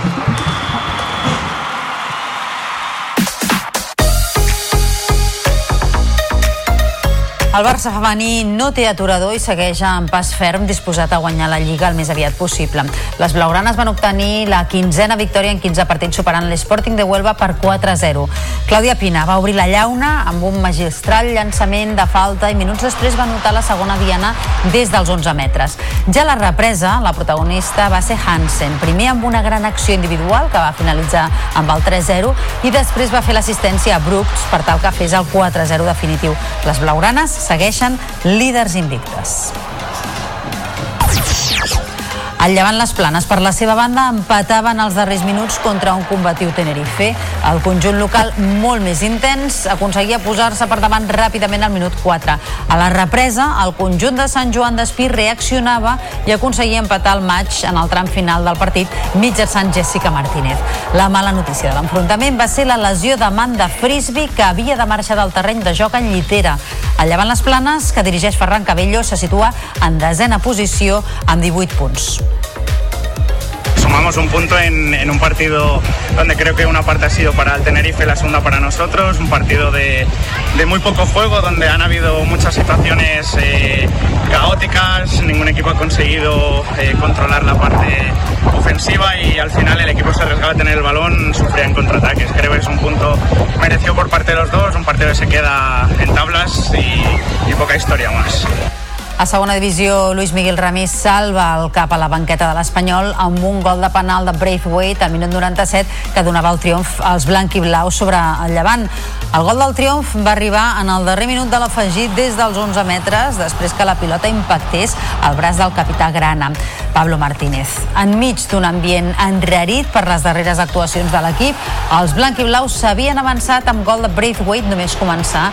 El pitxitxi de la categoria marcava l'1-0, però en la represa el Llevant va igualar el marcador gràcies a una diana d'Adela en jugada d'estratègia. El Llevant va reclamar un penal que l'àrbitre no va veure. Amb el triomf, l'Espanyol se situa a un punt de l'ascens directe i així responia Ramis a com encaixa les constants crítiques que rep des de la grada. Muy fácil, te lo resumo en una palabra, con profesionalidad. Eso incluye mucho. Como siempre, con profesionalidad, que incluye mucha responsabilidad, eh, bueno, muchísimas cualidades que nos hacen falta para situaciones de estas y como estamos expuestos a este tipo de situaciones, el que no esté dispuesto ya sabemos lo que tiene que hacer. Yo sí lo estoy. A primera federació, el Cornellà agafa aire, el Sabadell sumava un punt i se situa a prop de la permanència i el Barça Atlètic deixava escapar dos punts davant el Logroñés. La gran notícia, en clau catalana, és la salt provisional del lideratge per part del Nàstic. Els gols es feien esperar i el conjunt grana no marcava el primer fins al 54 mitjançant Pablo. Dos minuts després marcava Jardí. Aquesta era la dotzena victòria dels grana en 22 partits. I a primera divisió, empat a un, el derbi madrileny al Bernabéu, un resultat que permet al Girona continuar a dos punts del Real Madrid a la classificació. Llorente, el temps afegit, va fer el gol de l'empat per als matalassers després que Brahim avancés els blancs al primer temps. A més, l'empat fa que el Barça sigui tercer en solitari amb dos punts sobre l'Atlètic de Madrid. Dissabte, el Girona visitarà el Bernabéu amb el liderat en joc. I a segona federació, l'Europa ha deixat escapar els primers punts del nou Sardenya contra l'Andratx. Tot i l'empat, l'equip escapulat es manté líder per la derrota de Lleida contra l'Atlètic Saguntí. L'uruguaià Cerveti ha avançat l'Europa al minut 6, rematant a plaer una centrada d'Eslava. I abans del minut 20, jugada per banda dreta de Liaga, paret amb Eslava i rematada de Trigener, que ha fet el segon per l'Europa. A la segona part, els de la Vila de Gràcia han perdut el control del joc i l'Andratx ho ha aprofitat per empatar. Ordines ha fet el 2 a 1 des del segon pal després d'una falta i a l'ordre de cap ha rematat una centrada d'Adrián Garrido per empatar pels mallorquins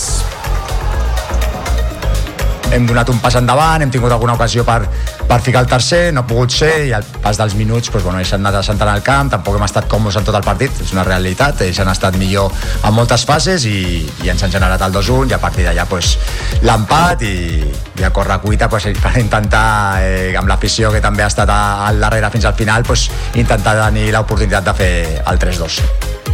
A la Lliga Endesa, el Barça va perdre davant el València Bàsquet i continua a la tercera posició de la taula. Els de Roger Grimau no van poder tancar una setmana perfecta després d'un partit vibrant amb molta intensitat. La Provitola va tenir l'opció d'empatar el duel, però no va ser possible. El parcial de 0-16 del tercer període va permetre als d'Àlex Montbrú remuntar i capgirar el marcador. Satoransky i Javari Parker van ser els millors jugadors del conjunt blaugrana. I el Baxi Manresa superava el Granada a domicili amb un triple de Marcis Steinbergs quan faltava poc més d'un segon per al final del partit. Els del Bages s'imposaven 93 a 94, sumaven la dotzena victòria del curs i són vuitens amb la permanència virtual a la butxaca. I per la seva banda, el Girona queia a la pista de l'actual campió d'Europa, el Real Madrid. El primer quart era dels blancs, amb un contundent 28 a 18. El segon període era dels gironins, que s'arribaven a situar només dos punts per sota gràcies al joc col·lectiu de l'equip. A la segona part, però, els de Xus Mateo ampliaven la distància al marcador fins a més de 10 punts. El partit acabava amb un ampli 92 a 79 a favor dels blancs. Tot i la bona imatge dels de Catsicaris, no era suficient per derrotar el líder. I ara parlem hoquei Lliga, destaquem la tercera posició en la que hi ha el Calafell, que va guanyar ahir a Lleida en un partit frenètic. El Calafell va agafar un avantatge de gols i de dos gols, volem dir, gràcies a les dianes d'Arnau Xaus i Carles Domènech. Els de la terra ferma, just abans del descans, van empatar el partit amb les dianes de Nico Ojeda i Nuno Paiva. A la represa, el clar protagonista va ser Arnau Xaus, que primer amb una bona acció individual i després amb una falta directa va donar avantatge als visitants. Quan faltaven gairebé 4 minuts per acabar el partit, Nico Ojeda va retallar diferències. L'entrenador del Lleida, Edu Amat, i el del Calafell, Ferran López, van fer valoració del partit. 11 i 8, crec que és una diferència suficientment clara. A més, no és que hagin sigut xuts per xutar, crec que el seu porter ha fet un gran partit i una vegada més doncs, paguem, paguem aquesta falta d'encert, aquesta, aquesta falta de punteria que ens està penalitzant els últims partits. I penso que al final ens endurem un, un molt bon resultat d'aquí. Sabem que és una pista difícil, que sempre costa molt, independentment de les classificacions dels dos equips. I, com et deia, el millor per nosaltres són els tres punts.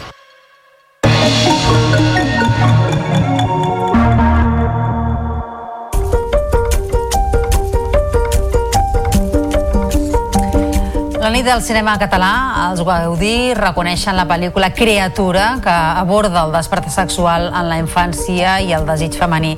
L'equip s'ha aixecat per recollir els principals guardons. El de millor pel·lícula, direcció per Helena Martín, muntatge i premis interpretatius per Clara Segura, Alex Brendemul i Clàudia Malagelada. 20.000 espècies d'abelles d'Estivaliz Urresola s'han dut al Gaudí a millor pel·lícula en llengua no catalana, direcció novella i fotografia. La coproducció de la xarxa i TV3, Quico Sabater sense destí, s'han portat el premi a millor pel·lícula per a televisió. Però l'altra gran triomfadora de la dotzena edició dels Gaudí ha estat Saben aquell, l'homenatge de David Trueba a Eugenio, que ha guanyat set estatuetes, algunes de categories tècniques, però destaquen les de millors protagonistes per a Carolina Juste i David Verdaguer, que s'han agraït així la feina mútuament. David Trueba, t'estimo molt, molt. Moltes gràcies per ser com ets.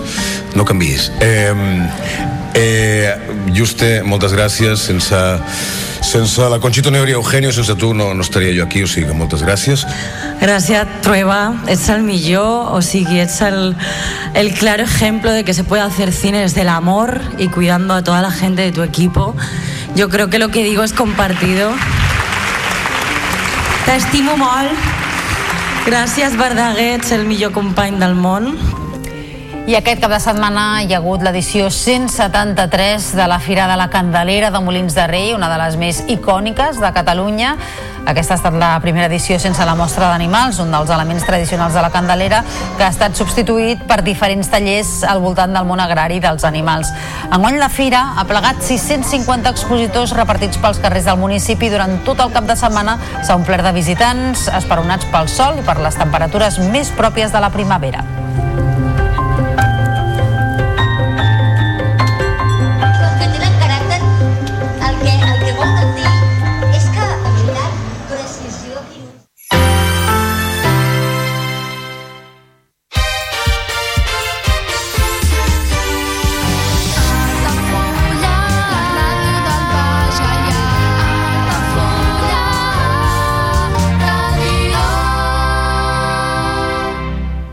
Ja coneixes les propostes que t'ofereix el Club Marítim Altafulla? Vine i descobreix totes les nostres activitats. Sortides en caiac o pa del surf, cursos de vela per a totes les edats.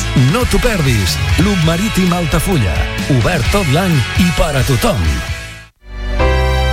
Comunions 2024. Dates ja disponibles amb sales privades, jardí, pàrquing privat i la millor gastronomia. Més informació i reserves al 977 65 11 55 i a comercial arroba altafullamarotel.com o al web altafullamarotel.com. Les teves celebracions familiars a l'Altafulla Mar Hotel.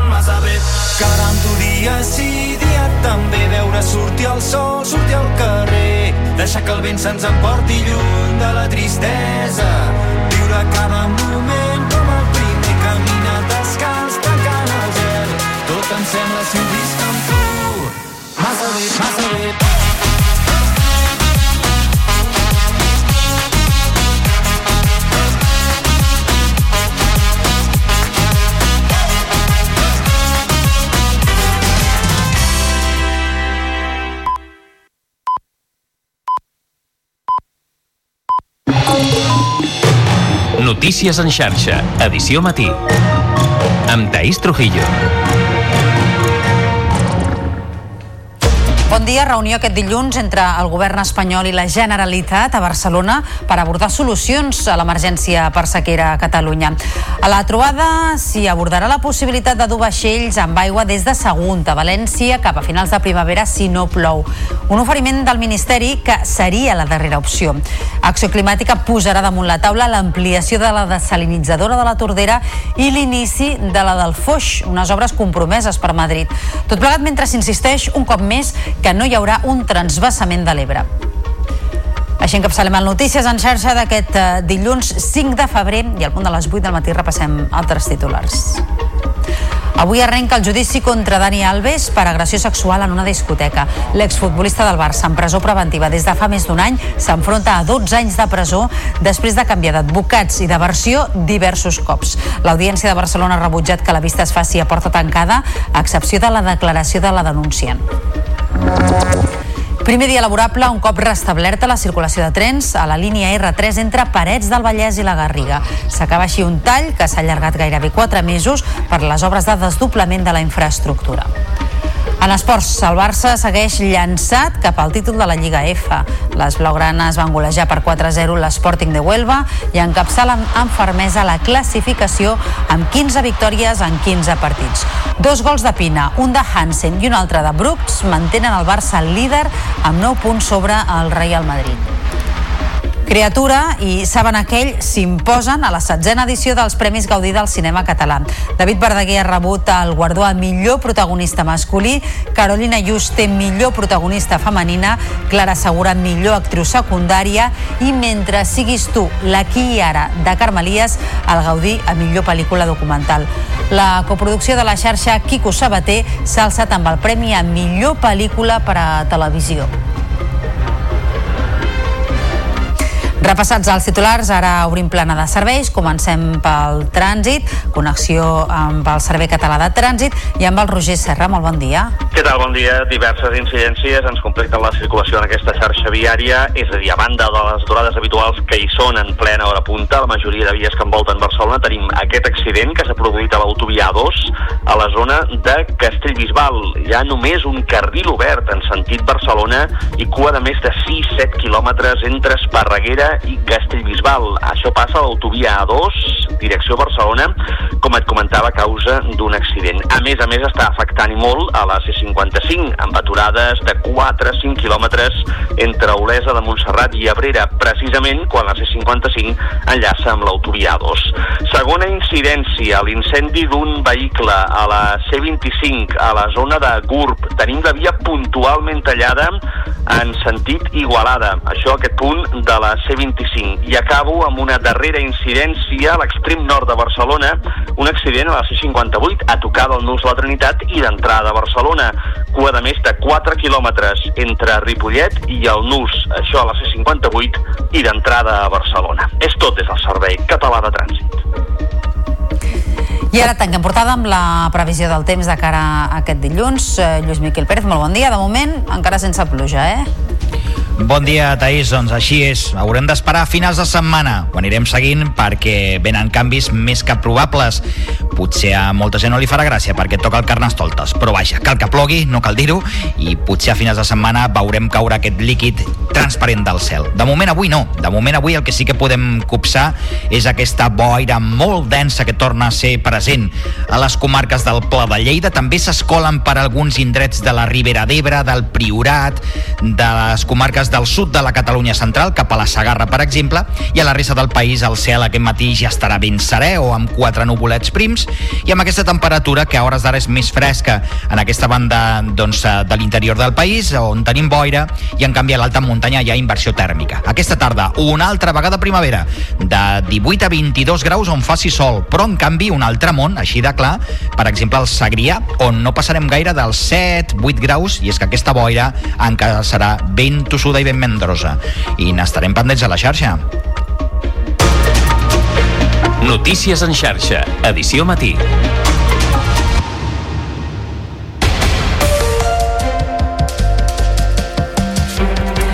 Reunió aquest dilluns a Barcelona entre l'Estat i la Generalitat per acordar mesures per fer front a l'emergència per sequera que afecta 6 milions de persones al sistema Ter Llobregat. La trobada entre la ministra per la Transició Ecològica Teresa Rivera i el conseller d'Acció Climàtica David Mascort podria servir per concretar la possibilitat de dur aigua en vaixells des de València cap a Catalunya a finals de primavera si no plou tal com s'ha plantejat aquest cap de setmana. Una darrera opció que estarà damunt la taula per bé que el govern català també insistirà en solucions com l'ampliació de la desaladora de la Tordera i l'inici de la del Foix per garantir de manera estructural l'abastiment d'aigua. Aquestes opcions, sumades a la modernització dels regadius, ja estan compromeses pel govern espanyol amb més de 500 milions d'euros. I el plantejament d'acabar portant aigua en vaixell des de València a partir del juny, si no plou, ha generat tota mena de reaccions polítiques. Des del compromís de la Generalitat a descartar un transvasament de l'Ebre fins a les crítiques de l'oposició per haver arribat a aquest extrem d'excepcionalitat. El PP ha tret pit de l'ajut que pot prestar un dels seus governs autonòmics, el PSC ha cridat, a la cohesió i els comuns lamenten el que consideren com una mala gestió de l'aigua. En té tots els detalls en aquesta crònica la nostra companya Carme de Fez. El president de la Generalitat, Pere Aragonès, ha reconegut en una entrevista a l'agència EFA que caldrà activar mesures excepcionals per la sequera. Descartat un transvasament de l'Ebre perquè no hi ha temps i pel malestar que podria causar al territori, l'opció és portar aigua en vaixells. Un acord que es podria rubricar aquest dilluns en la reunió que han de mantenir la ministra i el conseller a Barcelona i que ha generat les primeres reaccions polítiques. Nosotros nos comprometemos a ayudar a los catalanes por su sequía. Por supuesto que sí. Y tenemos que hacer más, porque tienen un problema de primer nivel. L'Espanya generosa. L'Espanya cohesionada territorialment. Vull agrair també al president de la Comunitat Valenciana, que no és del color polític de la meva formació política. A més, estem bastant a les antípodes en moltes coses. Però en aquest cas vull agrair-li que hagi dit aquí s'està per ajudar. El que sí que de cap manera podríem permetre és un trasbassament de l'Ebre i, per tant, si l'alternativa és portar ara mateix en una situació desesperada i de manera excepcional i puntual aigua desalada del port de Sagunt, doncs la portem. La ministra Teresa Rivera també es reunirà amb l'alcalde de Barcelona, Jaume Collboni. Pagesos i ramaders han protestat en les darreres hores contra les polítiques agràries en marxes lentes organitzades en diferents punts de la demarcació de Lleida. Les mobilitzacions s'han dut a terme a la C14, a l'Alt Urgell i a la Noguera i a la C13 al Pallars Jussà, dificultant la circulació de vehicles i el trajecte de tornada de la població que ha passat el cap de setmana a les comarques de muntanya. Les accions són el preludi de les mobilitzacions que hi ha previstes per demà arreu de Catalunya, en bona part per les restriccions derivades de la sequera. I és que en el cas dels ramaders la manca de pluges ha deixat els abeuradors secs, els prats sense herba i la palla a preu d'or. Els ramats tenen problemes per pasturar. Amb l'entrada en vigor de les noves restriccions, els ramaders han de reduir entre el 50 i el 80% l'aigua que fan servir per cuidar el bestiar. Anem ara fins a Sant Cugat del Racó, a la comarca del Bages. Allà hi ha els companys de Canal Taronja Central, l'Eli Pagant i l'Edu Font. Edu, molt bon dia. Hola, molt bon dia. Doncs efectivament, estem eh, en un prat en el que les vaques pasturen com ho han fet tota la vida, però amb la diferència de que aquest cop l'aigua va molt escassa i la palla va cara, com diu el refrany. Estem amb en Genís Soler, que és pagès, és el qui té aquestes vaques, ell també es dedica al port d'Engreix, és del sector porcí d'Unió de Pagesos al Bages. Bon dia, Genís. Hola, bon dia. Com es fa per dir-li a una vaca que begui la meitat? No es pot fer no es pot fer. Les vaques gasten l'aigua que els hi fa falta amb elles i mira, de que no se'n malgasti de cap manera. Si no és una cosa que tens una avaria, mm, veuen la que, la que els hi fa falta pel, per elles, tant amb les vaques com amb els porcs. Els porcs perquè després quan has de netejar les granges en gastes una miqueta més, però bueno, avui en dia ja hi han coses per fer-ho bé, màquines a pressió que tiren poc caudal, molta pressió i després en gastes la mínima. Per tant, com s'ha de fer de reduir el 50% la quantitat d'aigua que gasteu? Amb el bestiar que hi ha actual és impossible, és impossible fer-ho. Uh, si no tens una mica de reserva d'aigua i podem passar i esperar que, que d'aquí un parell de mesos ens plogui, clar, és que és complicat. Amb el bestiar no li podem pas dir que ens beguin menys. I si triem bestiar de les granges és la ruïna perquè no, no, no, es, pot, no, no, no, no es pot aguantar. Uh, les, les, Uh, l'aigua, si ens la tanquen, és això. O tenim reserva i ens podem solucionar el tema nosaltres mateixos una mica, però és clar, aquí mateix nosaltres tibem tot de la xarxa. No tenim ni pous, no tenim fonts, està tot sec. Aquí hi ha aigua quan, a les fonts quan plou, però aquí revenen quan hi ha molta aigua, si no, no n'hi ha eh, tibem de la xarxa sempre. Amb aquesta situació de restricció també està prohibit ampliar l'explotació, tot i que m'imagino que poca gent se li acudeix avui en dia jugar-se-la, no? Bé, nosaltres fa mig any que vam engegar una granja de porcs, que hem tardat més de sis anys en tenir tots els permisos fets, que això també quasi és una vergonya per l'administració que tardem sis anys a tirar endavant un, un projecte d'una ampliació d'una granja que ja existia que vam ampliar un 30% la capacitat. 6 anys. La vam engegar fa mig any. Clar, el que és ben clar és que si l'engeguéssim avui no la podríem no podríem entrar-hi bestiar perquè, perquè hi ha el decret aquest. No només és l'aigua, sinó dèiem és la sequera en si, el problema de l'alimentació. Com ho esteu vivint des de tot aquest procés que ja fa algun any que dura? A veure, eh, igual que aquí a casa, arreu d'aquesta zona d'aquí de la Catalunya central, eh, nosaltres ja ens vam haver de treure vaques l'any passat. Aquí n'hi havia vora 55, ara n'hi ha 40, eh, no sé si en tornarem a treure més, però esclar, és que l'any passat no vam arreplegar res de ferratge, fa dos anys en vam arreplegar poc, nosaltres amb el tema del cereal aquest any tampoc s'ha collit res, ha sigut mm, zero, eh, fa dos anys aquí vam estar de sort, encara vam collir, Manresa ha sigut molt pitjor, Manresa, Noia, fa dos anys que no cullen mol, molts llocs. Eh, a veure, mm, si hem d'anar aguantant així, no, no, no, no, no podem passar una... Si tornem a tenir un altre any així, molta bestiar com el que és el de fora, s'haurà de treure molt més bestiar encara, perquè no, no es pot aguantar. Si no hi ha ferratge, amb el bosc no viuen. Fa un moment dèiem que demà teniu protestes a nivell de tot Catalunya. Un dels eslògans és la nostra fi és la vostra fam. Creu que si la situació no millora, fins i tot el tema sequera, eh, pot haver-hi realment en algun moment un problema alimentici, un problema de, de vestiment? Home, jo, jo diria que és difícil que hi hagi un problema d'abastiment, això sí. El que, clar, eh, sí, eh, apa, la sequera ens ho acaba de greujar tot el que ja arrosseguem de tot aquest temps enrere que ens van posant tantes restriccions, temes mediambientals, benestar animal, portem un seguit d'anys que ens hem d'anar actualitzant amb moltes coses d'aquestes i ens van ficant molta burocràcia, paperassa, cada cop està tot més bueno, ens van, ens van collant, ens van collant i passes quasi bé, més hores no, però has de passar moltes hores eh, doncs amb ordinadors, fent papers pagant, pagant amb gestories perquè t'ho portin mm, no, no, no, no ho veiem bé per això volem sortir queixant-se Acabo, demà doncs es, es pot liar grossa, per dir-ho així. jo crec que sí. Espero que surtin molts tractors, surti molta gent, que la gent hi dongui suport, perquè això ens afecta amb els pagesos, però al final afecta amb tota la societat i res, doncs animar tothom que, que, que ens dongui suport. Moltes gràcies, Genís. Vinga, gràcies. Doncs aquesta és la situació que viu el món, el sector primari. Aquesta és la situació que viu la pagesia, la ramaderia, en aquesta sequera a la qual se li sumen un munt de reivindicacions que demà cridaran en moltes de les carreteres de Catalunya. Edu Font, companys de Canal Taronja Central, gràcies per aquesta connexió en directe des de Sant Cugat del Racó. Molt bon dia. Notícies en xarxa. Informació al detall.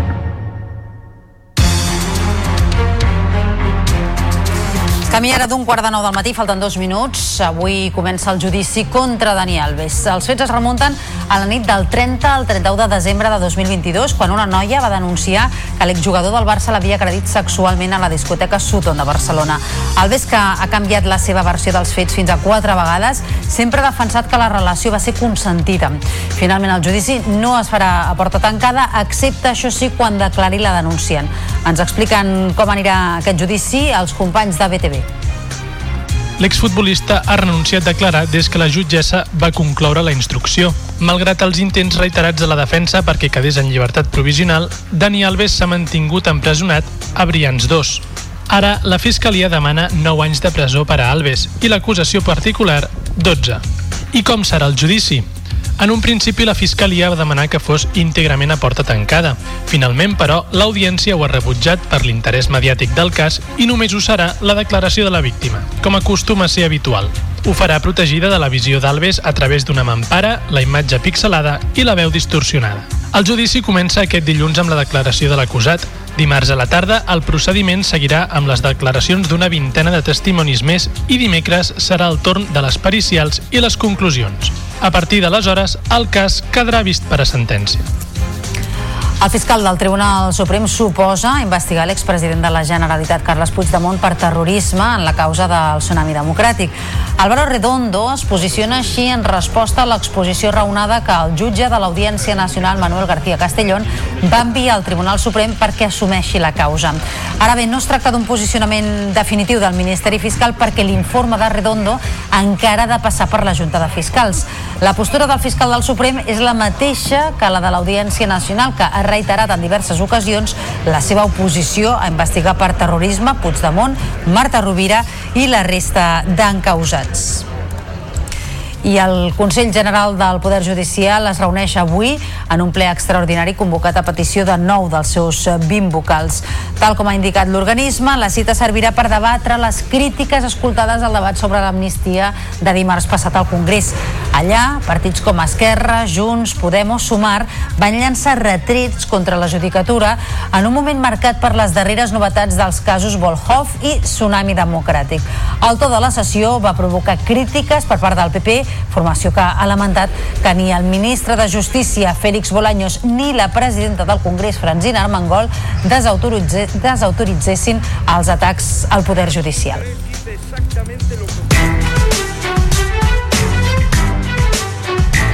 Restablerta la circulació de trens a la línia R3 entre Parets del Vallès i la Garriga, que avui afronta la veritable prova de foc. Primer dia laborable, en funcionament, on s'espera que 12.000 passatgers en tornin a fer ús i amb els mateixos horaris que abans de l'aturada. Un servei entre Parets i Fígaro interromput durant tres mesos per les obres de desdoblament de la línia i que Adif ha substituït pel recorregut alternatiu amb autobús. S'han invertit fins a 155 milions d'euros en la millora d'aquest tram, una demanda històrica del territori que augmentarà el número de circulacions i la fiabilitat i eficàcia dels convois. Ahir, aprofitant que era diumenge, es restablia el servei que, segons queixes dels mateixos usuaris, no va anar del tot a l'hora. Crec que veníem retard de 50 minuts. Hem vingut 50 minuts, hem arribat aquí a Canovella 50 minuts més tard del que teníem previst. La megafonía nova, máquinas no van, eh, los trenes pasan con muchísimo retraso. No sabem per on passarà, no sabem quant temps tardarà, en fi, un cacau. I aquest diumenge a la tarda hem hagut de lamentar dos accidents de gravetat a la mateixa via, la, C, la C66, a la carretera que uneix el tram entre Palafrugell i Besalú. Vuit persones han resultat ferides, sis de les quals de gravetat. En el primer dels sinistres, a quarts de tres de la tarda, a l'altura de Serinyà, al Pla de l'Estany, quatre persones van resultar ferides, dues d'elles de gravetat, en un xoc entre un cotxe i una furgoneta. Es van activar quatre ambulàncies i un helicòpter del SEM, a més de cinc dotacions dels bombers per fer tasques d'excarceració. Dues hores més tard, també a la C66, però a l'altura de Flaçà, quatre persones més, entre les quals una menor, van patir ferides de diversa consideració després d'una col·lisió frontal entre tres vehicles. Entre els ferits hi ha una persona en estat crític i dues en estat greu. Al lloc de l'accident s'hi van desplaçar tres ambulàncies i dos helicòpters medicalitzats. I la Guàrdia Civil manté oberta una investigació per esbrinar les causes de l'accident en què un submarinista de 43 anys va morir dissabte davant la costa de Roses, a l'Alt Empordà. Segons les primeres informacions, l'afectat hauria tingut un problema amb l'equip d'immersió, patint una mala descompressió en sortir massa ràpid a la superfície. Efectius de la Guàrdia Civil, de Salvament Marítim, bombers de la Generalitat i el SEM es van desplaçar a la zona i van intentar reanimar al submarinista sense èxit. I encara de la plana de successos, una dona de 94 anys ha mort aquest diumenge al vespre en un incendi en un pis de Mollet del Vallès, Vallès Oriental. Dues persones més, un home de 72 anys i una dona de 65, que havien pogut sortir prèviament de l'edifici, han estat traslladades a l'Hospital de Mollet en estat lleu. Els Mossos d'Esquadra s'han fet càrrec de la investigació de l'incendi i de les tasques judicials pertinents.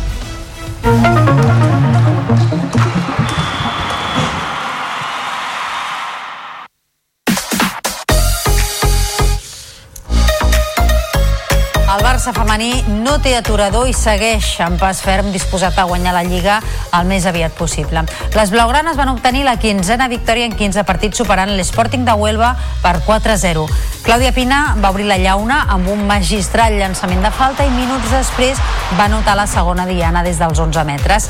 Ja a la represa, la protagonista va ser Hansen, primer amb una gran acció individual que va finalitzar amb el 3-0 i després va fer l'assistència a Brooks per tal que fes el 4-0 definitiu. Les blaugranes segueixen líders invictes.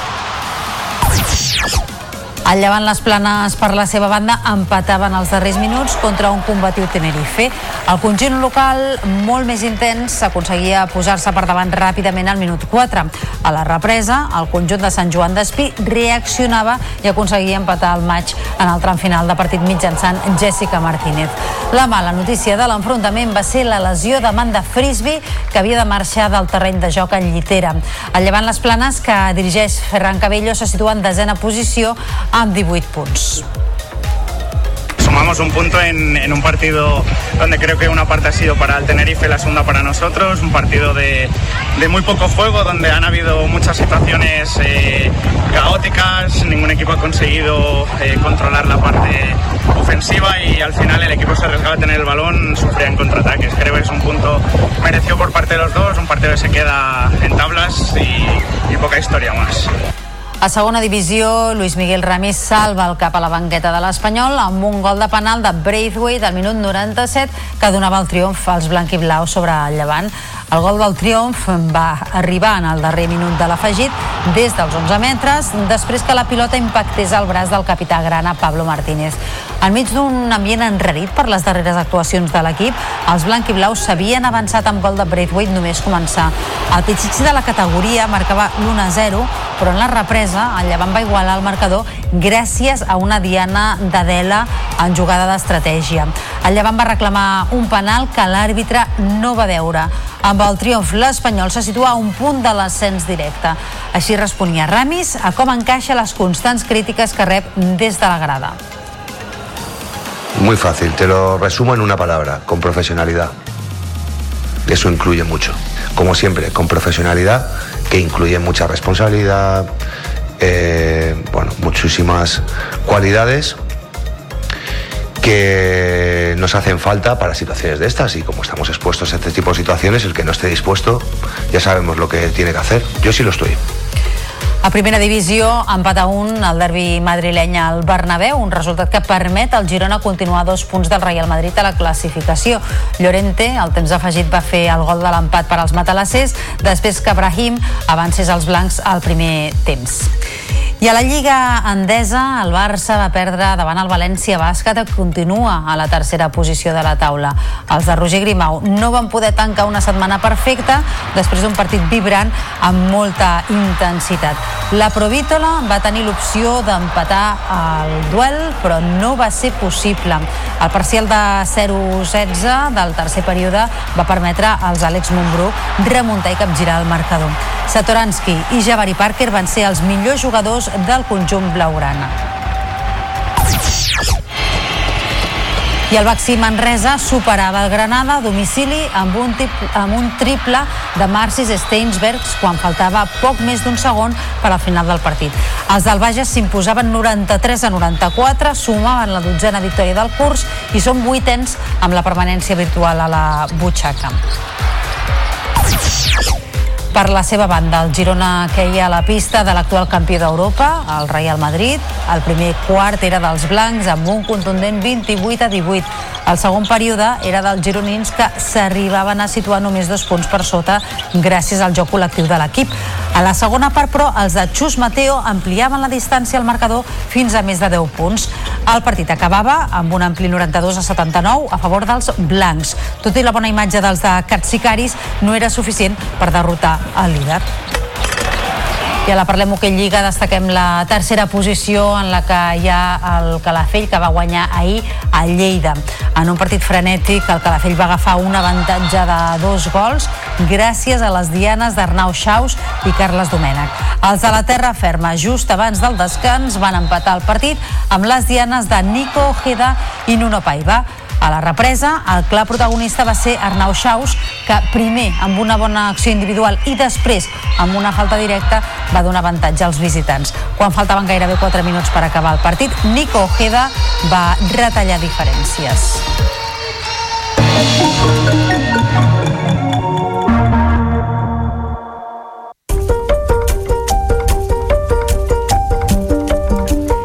La nit del cinema català, els Gaudí reconeixen Criatura, la pel·lícula que aborda el despertar sexual en la infància i el desig femení. L'equip s'ha aixecat per recollir els principals guardons. El de millor pel·lícula i direcció per Helena Martín, muntatge i premis interpretatius per Clara Segura, Àlex Benendemul i Clàudia Malagelada. L'altra gran triomfadora de la setzena edició dels Gaudí ha estat Saben aquell, l'homenatge de David Trueba a Eugenio, que ha guanyat set estatuetes. Algunes de categories tècniques, però destaquen les de millors protagonistes per a Carolina Juste i David Verdaguer. 20.000 espècies d'abelles d'Estibaliz Urresola s'han dut al Gaudí amb millor pel·lícula en llengua no catalana, direcció novella i fotografia. Les dues pel·lícules que d'aquí a uns dies optaran a un Òscar també han recollit premis en la nit dels Gaudí són Juan Antonio Bayona per La Societat de la Neu com a millor pel·lícula europea i Pablo Berger per Robots per la millor pel·lícula d'animació. El nostre, el nostre llenguatge, sobretot, és el cinema i dono moltíssimes gràcies a l'Acadèmia del Cinema Català per intentar fer possible també aquest premi per nosaltres. Moltíssimes gràcies a tothom. Eh, Estoy muy feliz esta noche y, y me ha tocado la lotería. Ha salido mi número, compañeros. Javier Mariscal, me quito el sombrero. Juanjo, Heavy Tendras, ¿dónde estáis? No os veo. Levantar la mano, me quito el sombrero. Lorena, ¿dónde estás? Ana y los monstruos, me quito el sombrero. lo digo sinceramente, la industria es tan pequeña de la animación que la comparto con todos vosotros, pero me lo quedo yo. I amb el Carnaval a tocar, la tradició ballesana dona el tret de sortida a la festa de la disbauxa amb el Ball de Gitanes. Aquesta tradició no para de sumar adeptes i enguany ha plegat més de 170 balladors a la plaça de la Porxada de Granollers. Brutes, Diablots i tota la colla de dansaires són els encarregats d'anunciar la vinguda del rei Carnestoltes. I amb aquesta vocació d'estendre la tradició, enguany també s'ha comptat per primera vegada amb una colla infantil. Des dels 4 fins als 10 anys, els infants han pogut fer dringar els picarols i han voltejat també les faldilles.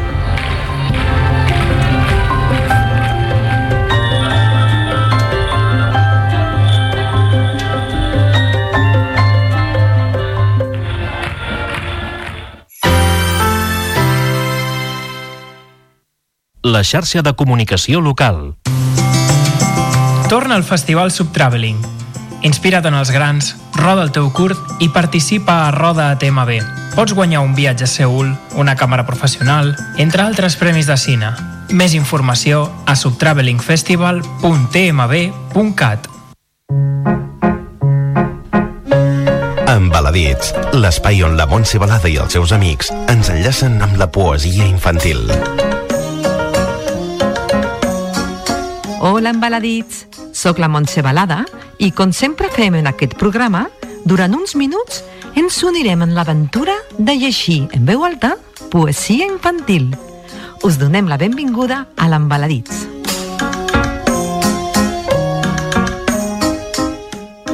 Ara sentirem un poema d'aquells tan bonics i divertits que dubtarem si és una poesia o un embarbussament. A la quioca, una nana que una oca damunt d'una roca, embullen la troca i toca qui toca. Ni l'ana que soca, que sembli una lloca, ni l'oca estanoca, que arribi a Tanoca. Ens ha agradat moltíssim aquest poema, Àlex. O és un embarbussament? Vosaltres què penseu? Fins al proper Embaladits. Adeu. Adeu, embaladits. Vols que la teva escola participi a l'Embaladits? Envia'ns un correu electrònic a embaladits arroba canalblau.cat Embaladits és una idea de Montse Balada produïda per Canal Blau FM per la xarxa de comunicació local.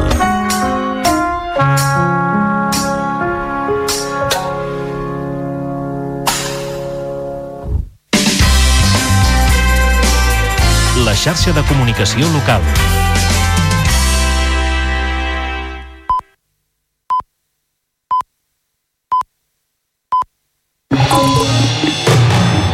Notícies en xarxa, edició matí. Amb Taís Trujillo. Bon dia, són dos quarts de nou del matí i avui al Notícies en xarxa estem pendents de la reunió aquest dilluns entre el govern espanyol i la Generalitat a Barcelona per tal d'abordar solucions a l'emergència per sequera a Catalunya. Una sequera de la qual no es tenen precedents i que analitzarem amb el catedràtic Javier Martín Vide. A la trobada s'abordarà la possibilitat de dur vaixells amb aigua des de Sagunt a València cap a finals de primavera si no plou. Un oferiment del Ministeri que seria la darrera opció.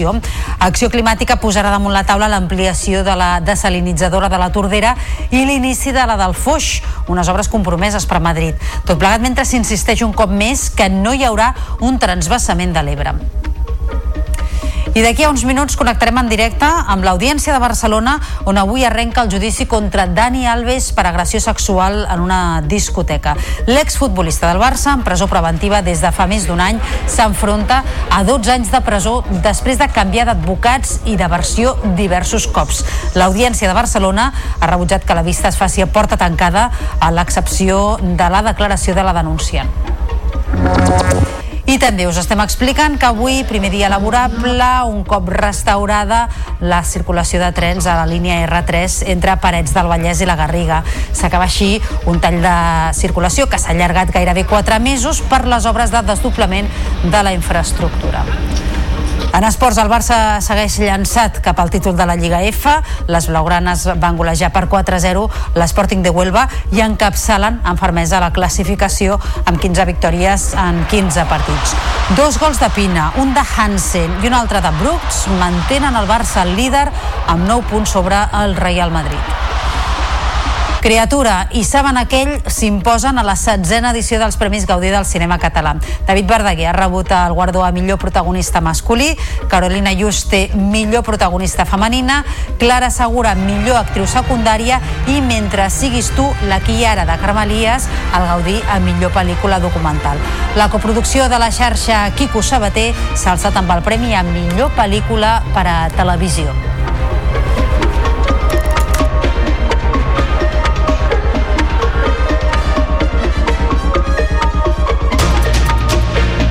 Notícies en xarxa, edició matí.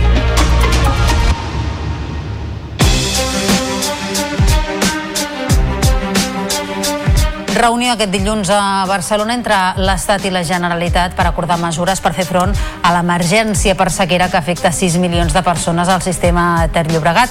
La trobada entre la ministra per la Transició Ecològica Teresa Rivera i el conseller d'Acció Climàtica David Mascort podria servir per concretar la possibilitat de dur aigua en vaixells des de València cap a Catalunya a finals de primavera si no plou, tal com s'ha plantejat aquest cap de setmana.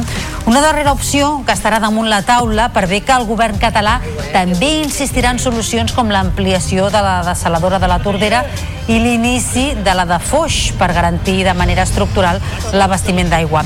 Aquestes opcions, sumades a la modernització dels regadius, ja estan compromeses pel govern espanyol amb més de 500 milions d'euros. I el plantejament d'acabar portant aigua amb vaixell des de València a partir del juny, si no plou, ha generat tota mena de reaccions polítiques. Des del compromís de la Generalitat a descartar un transvasament de l'Ebre fins a les crítiques de l'oposició per haver arribat a aquest extrem d'excepcionalitat. El PP ha tret pit de l'ajut que pot prestar un dels seus governs autonòmics.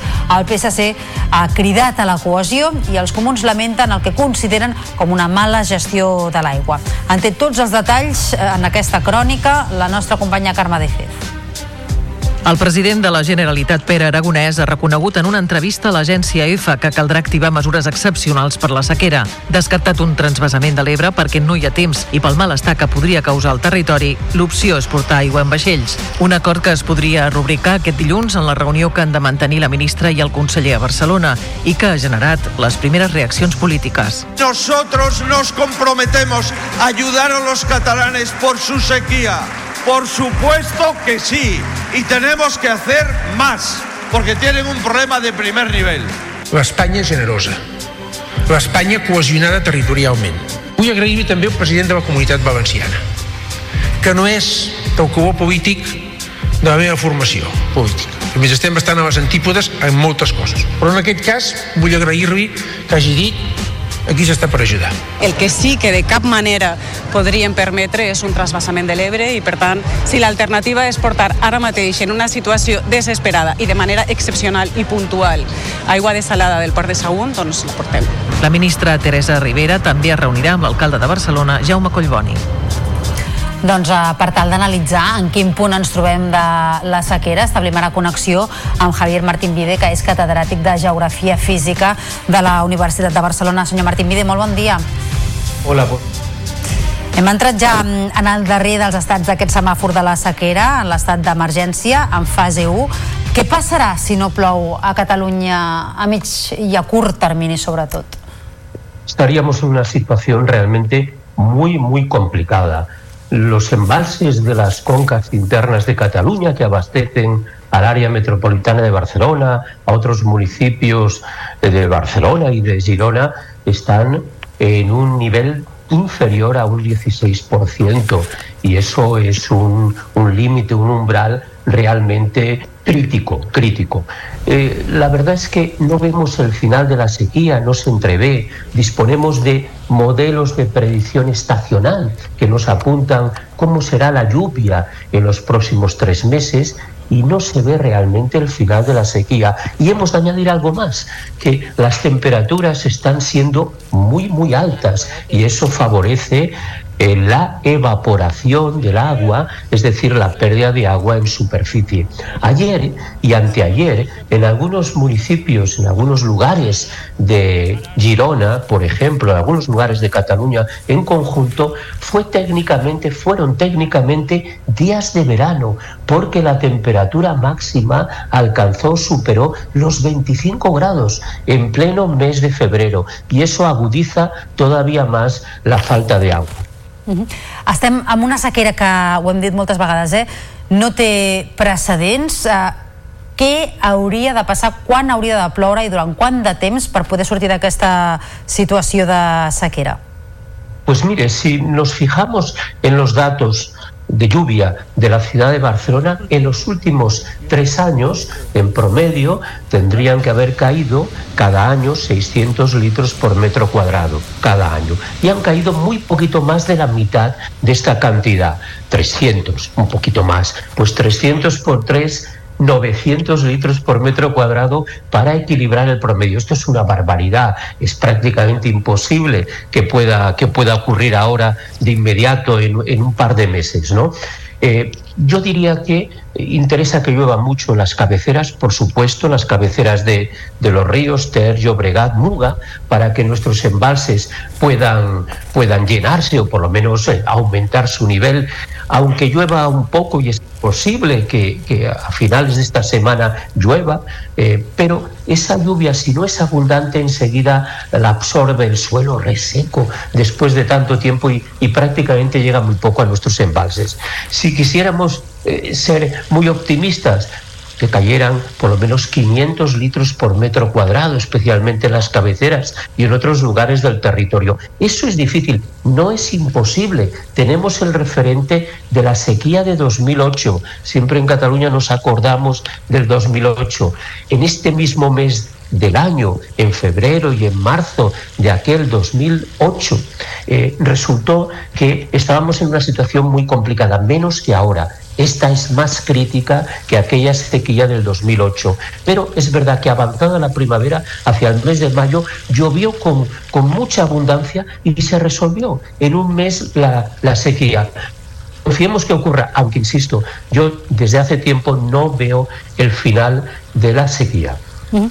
I superada aquesta fase tan crítica en la que estem ara, quan torni a ploure, um, igualment sí que a llarg termini hem de pensar i hem de saber que haurem de viure amb menys recursos hídrics aquí a Catalunya i adaptar-nos a aquesta nova situació? Sí, en efecto. Mire, esta sequía al final acabará, acabará.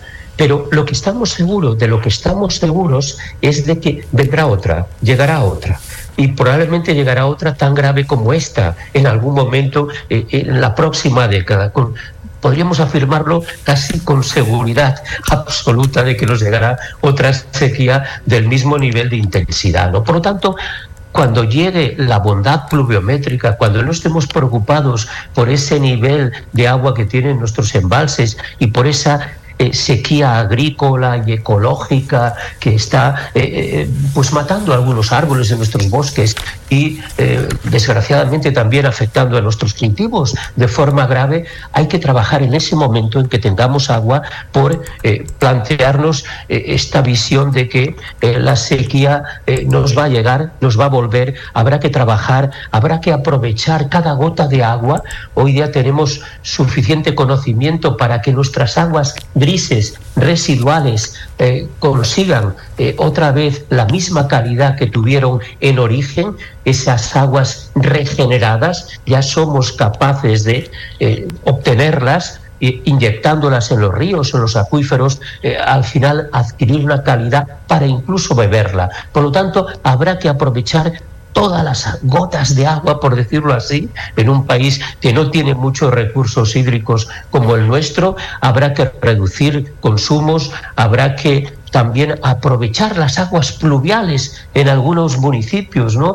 Las de la lluvia eh, recogidas en los tejados, en las terrazas, para luego, por ejemplo, regar los jardines en aquellos municipios con ese tipo de urbanismo. Hay que aprovechar cada gota de agua y hemos de trabajar por la sequía cuando vuelva a llover.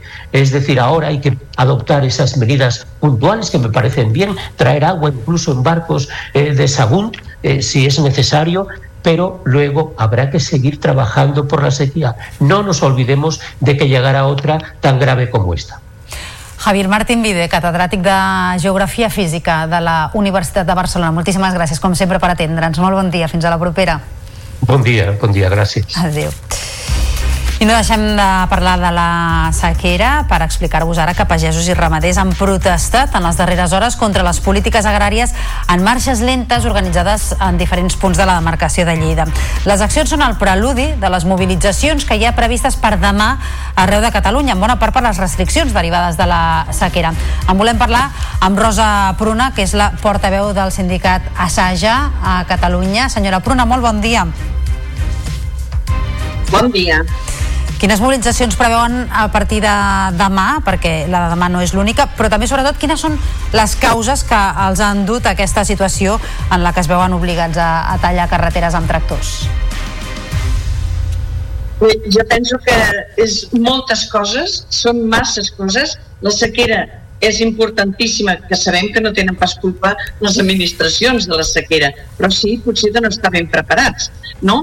Però el que se surt demà, més que res, és perquè la PAC, aquesta PAC, cada vegada està posant més lleis, més normatives que estan matant la pagesia, perquè l'estan matant, i, és clar eh, veuen que per un cantó no tenim aigua, cada vegada més burocràcia, més complir lleis i normatives i nosaltres amb el mateix ens estem quedant sense res.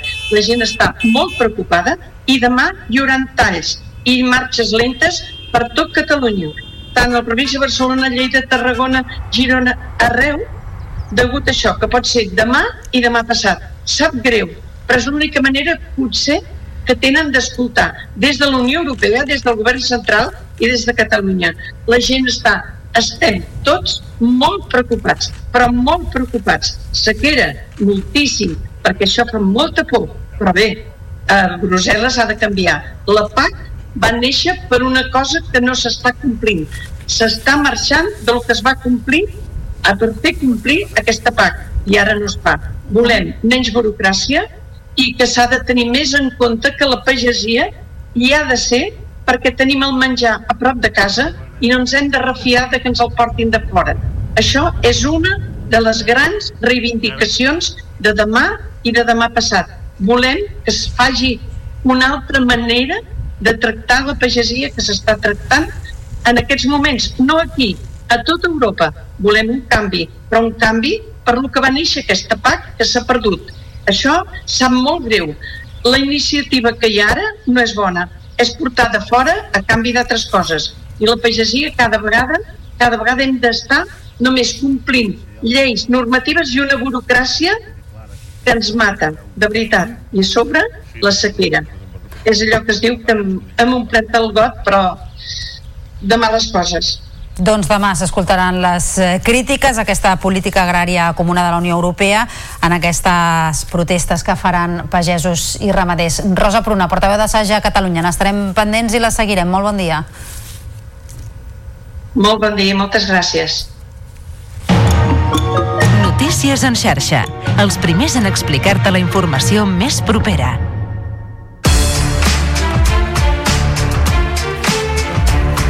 Restablerta la circulació de trens a la línia R3 entre Parets del Vallès i la Garriga que avui afronta la veritable prova de foc. Primer dia laborable en funcionament on s'espera que 12.000 passatgers en tornin a fer ús i amb els mateixos horaris que abans de l'aturada.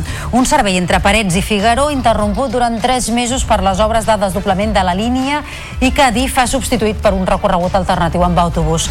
S'han invertit fins a 155 milions d'euros en la millora d'aquest tram, una demanda històrica del territori que augmentarà el número de circulacions i la fiabilitat i eficàcia dels convois. I avui comença el judici contra Dani Alves. Els fets es remunten a la nit del 30 al 31 de desembre del 2022, quan una noia va denunciar que l'exjugador del Barça l'havia agredit sexualment a la discoteca Sutton de Barcelona. Alves, que ha canviat la seva versió dels fets fins a quatre vegades, sempre ha defensat que la relació va ser consentida. Finalment, el judici no es farà a porta tancada, excepte, això sí, quan declari la denunciant. Anem ara en directe fins a l'Audiència de Barcelona, on hi tenim les companyes Zoraida Mas i Anna Ruiz Ruiz. Anna, molt bon dia. Expectació a les portes eh, d'aquest judici, eh? Bon dia, sí, Taís, expectació màxima. Són molts els mitjans de comunicació aquí davant l'audiència de Barcelona per seguir un judici que ha de començar d'aquí una estona, a partir de les 10 del matí. La secció 21 de l'Audiència de Barcelona ha decidit celebrar el judici en audiència pública, però amb importants restriccions pels mitjans de comunicació en relació a d'altres procediments, perquè no podrem gravar ni àudio ni vídeo del senyal intern a través del qual podrem seguir el judici tot plegat per preservar l'anonimat de, la víctima i evitar qualsevol ingerència en la seva intimitat i esfera privada. Tal com passa en altres casos d'agressió sexual, la víctima sí podrà declarar a porta tancada a través d'una mampara que la protegirà visualment de l'acusat. Els magistrats també han ordenat a totes les parts que facin referència a la víctima com la denunciant i en cap cas puguin mencionar el seu nom o els seus cognoms. I durant la seva declaració prevista per avui es distorsionarà la veu de la víctima, també es pixelarà la seva imatge per tal d'evitar qualsevol filtració posterior de la seva declaració. Si tindrem imatge pública de Dani Alves, assegut a la banqueta dels acusats, les agències de notícies podran gravar aquell moment i els moments previs a l'arrencada d'aquesta primera sessió del judici contra Dani Alves, que s'allargarà fins eh, dimecres vinent. Un cop es resolguin les qüestions prèvies, podrem saber si la declaració d'Alves es produeix avui mateix o bé eh, dimecres. I aquest és el guió, el guió previst del eh, judici contra l'exfutbolista del Barça que es podria trencar i podria canviar de manera total si es produeix un pacte a última hora, un pacte que passaria per l'assumpció dels fets per part de l'acusat. Recordem que la Fiscalia demana 9 anys per Alves i l'acusació particular 12. Thank you.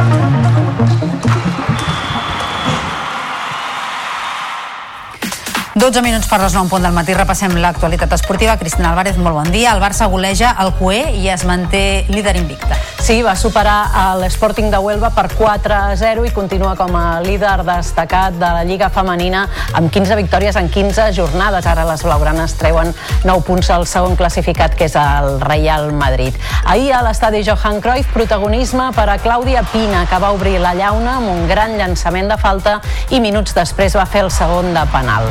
Ja a la represa, qui va centrar l'atenció va ser Hansen, primer amb una gran acció individual que va suposar el 3 a 0 i després va fer l'assistència a Brooks per tal que fes el 4 a 0 definitiu. Les blaugranes continuen líders invictes. El Llevant Les Planes va empatar en els darrers minuts contra un combatiu Tenerife. Les locals molt més intenses es posaven per davant ja al minut 4. No va ser fins al segon temps que l'equip de Sant Joan d'Espí va reaccionar, aconseguint l'empat al tram final amb gol de Jessica Martínez. La mala notícia de l'enfrontament va ser la lesió d'Amanda Frisby, que va haver de marxar del terreny de joc en llitera. A la classificació, el Llevant Les Planes se situa desè amb 18 punts. Sumamos un punto en, un partido donde creo que una parte ha sido para el Tenerife la segunda para nosotros, un partido de, muy poco juego, donde han habido muchas situaciones eh, caóticas, ningún equipo ha conseguido eh, controlar la parte ofensiva y al final el equipo se arriesgaba a tener el balón, sufría en contraataques. Creo que es un punto merecido por parte de los dos, un partido que se queda en tablas y poca historia más. A segona divisió, Luis Miguel Ramis salva el cap a la banqueta de l'Espanyol amb un gol de penal de Braithwaite al minut 97 que donava el triomf als blanquiblaus sobre el llevant. I és que el gol del triomf va arribar en el darrer minut de l'afegit, de, com dèiem, des dels 11 metres, després que la pilota impactés al braç del capità grana Pablo Martínez. Enmig d'un ambient enrarit per les darreres actuacions de l'equip, els blanquiblaus s'havien avançat amb gol de Braithwaite, només començar el pitxitxi de la categoria marcava l'1 1 a 0, però a la represa el Llevant va igualar el marcador gràcies a una diana d'Adela en jugada d'estratègia. El Llevant va reclamar un penal que l'àrbitre no va veure. Amb el triomf, l'Espanyol se situa a un punt de l'ascens directe. Així responia Ramis preguntat sobre com encaixa les constants crítiques que rep des de la grada. Muy fácil, te lo resumo en una palabra, con profesionalidad. Eso incluye mucho. Como siempre, con profesionalidad, que incluye mucha responsabilidad, eh, bueno, muchísimas cualidades que nos hacen falta para situaciones de estas y como estamos expuestos a este tipo de situaciones, el que no esté dispuesto ya sabemos lo que tiene que hacer. Yo sí lo estoy. A la Lliga CB el Barça va perdre davant el València Bàsquet i continua tercer a la taula. Els de Roger Grimau no van poder tancar una setmana perfecta després d'un partit vibrant i amb molta intensitat. La Provítola va tenir l'opció d'empatar el duel però no va ser possible. El parcial de 0 a 16 del tercer període va permetre als d'Àlex Montbrú remuntar i capgirar el marcador. Satoransky i Javari Parker van ser els millors jugadors del conjunt blaugrana. El Baxi Manresa va superar el Granada a domicili amb un triple de Marcis Steinsberg quan faltava poc més d'un segon per al final del partit. Els del Bages es van acabar imposant per 93 a 94. Sumen així la dotzena victòria del curs i són vuitens amb la permanència pràcticament ja assegurada. Per la seva banda, el Girona va caure a la pista de l'actual campió d'Europa, el Real Madrid. El primer quart era dels blancs amb un contundent 28 a 18. El segon període era dels gironins, que s'arribaven a situar només dos punts per sota gràcies al joc col·lectiu de l'equip. A la segona part, però, els de Xus Mateo ampliaven la distància al marcador fins a més de 10 punts. El partit va acabar amb un ampli 92 a 79 a favor dels blancs. Tot i la bona imatge dels de Catsicaris, no era suficient per derrotar el líder. A la Parlem Hockey Lliga destaquem la tercera posició del Calafell, que va superar el Lleida. En un partit frenètic, el Calafell va agafar un avantatge de dos gols gràcies a les dianes d'Arnau Xaus i Carles Domènech. Els de la terra ferma just abans del descans van empatar mitjançant Nico Jeda i Nuno Paiva. A la represa, el clar protagonista va ser Arnau Xaus, que primer amb una bona acció individual i després amb una falta directa va donar avantatge als visitants. Quan faltaven gairebé 4 minuts per acabar el partit, Nico Jeda va retallar diferències. L'entrenador del Lleida, Edu Amat, i el del Calafell, Ferran López, valoren el partit. 11 i 8, crec que és una diferència suficientment clara. A més, no és que hagin sigut xuts per xutar, crec que el seu porter ha fet un gran partit i una vegada més doncs, paguem, paguem aquesta falta d'encert, aquesta, aquesta falta de punteria que ens està penalitzant els últims partits. I penso que al final ens en un, un molt bon resultat d'aquí. Sabem que és una pista difícil, que sempre costa molt, independentment de les classificacions dels dos equips. I, com et deia, el millor per nosaltres són els tres punts. Doncs el Calafell és tercer d'una lliga que encapçala el Barça amb 13 punts sobre el Noia. Gràcies, Cristina, que vagi bé. Fins demà. Que vagi bé. Nosaltres ara, en Cultura, abordem la nit del cinema català, els Gaudí, que han reconegut la pel·lícula Creatura, que aborda el despertar sexual en la infància i també el desig femení.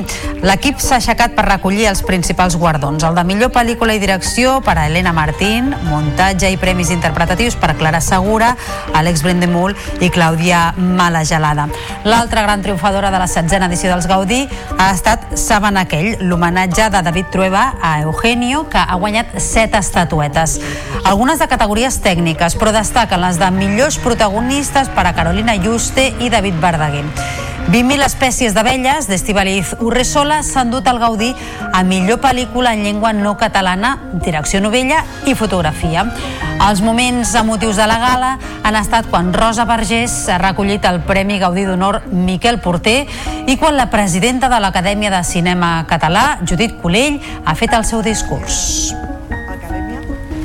He tingut la sort i el privilegi de formar part de molts equips de pel·lícules amb gent molt interessant i molt important per mi darrere i davant la càmera la llista és infinita són molts títols de crèdit però el que puc dir és que aquest Gaudí està ple de gent de persones que me n'han ensenyat molt. Penso que com a país ens podem sentir molt orgullosos del que estem fent a nivell audiovisual. Us necessitem, espectadores, espectadors. Doneu una oportunitat al cinema català, al cinema en català, us sorprendreu. Hi han pel·lícules de tot tipus, meravelloses totes. Gràcies a totes vosaltres per estar al nostre costat. Molta sort als Oscars i als Goya també, els que hi sigueu. I visca el cinema català. Doncs amb Cinema Català, amb aquesta gala d'entrega de la setzena edició dels Premis eh, Gaudí, hem arribat al final del Notícies en xarxa d'aquest dilluns dia 5 de febrer. Com sempre, poden seguir pendents de l'actualitat a través dels butlletins de la xarxa i de les properes edicions del Notícies en xarxa al llarg de la jornada i nosaltres tornem demà a primera hora del matí amb més informació de territori. Fins aleshores, que passin una molt bona jornada de començament de setmana. Adeu.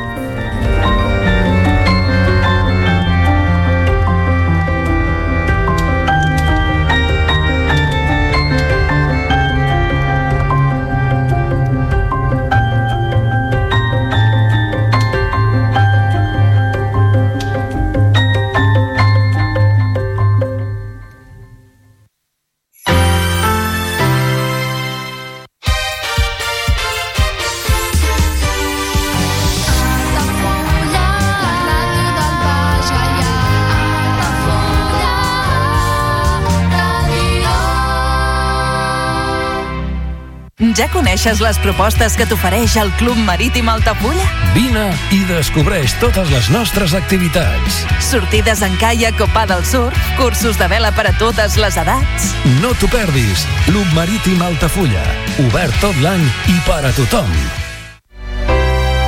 Comunions 2024. Dates ja disponibles amb sales privades, jardí, pàrquing privat i la millor gastronomia. Més informació i reserves al 977 65 11 55 i a comercial arroba altafullamarotel.com o al web altafullamarotel.com. Les teves celebracions familiars a l'Altafulla Mar Hotel.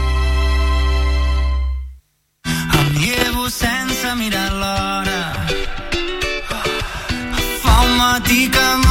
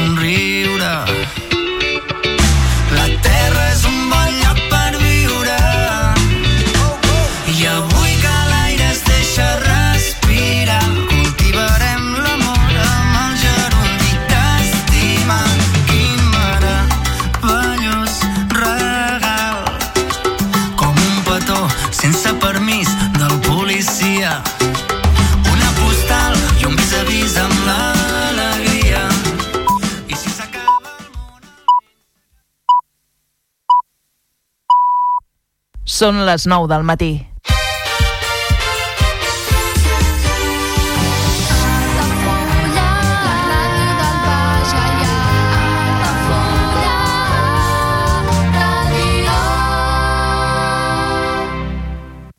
Altafulla Ràdio.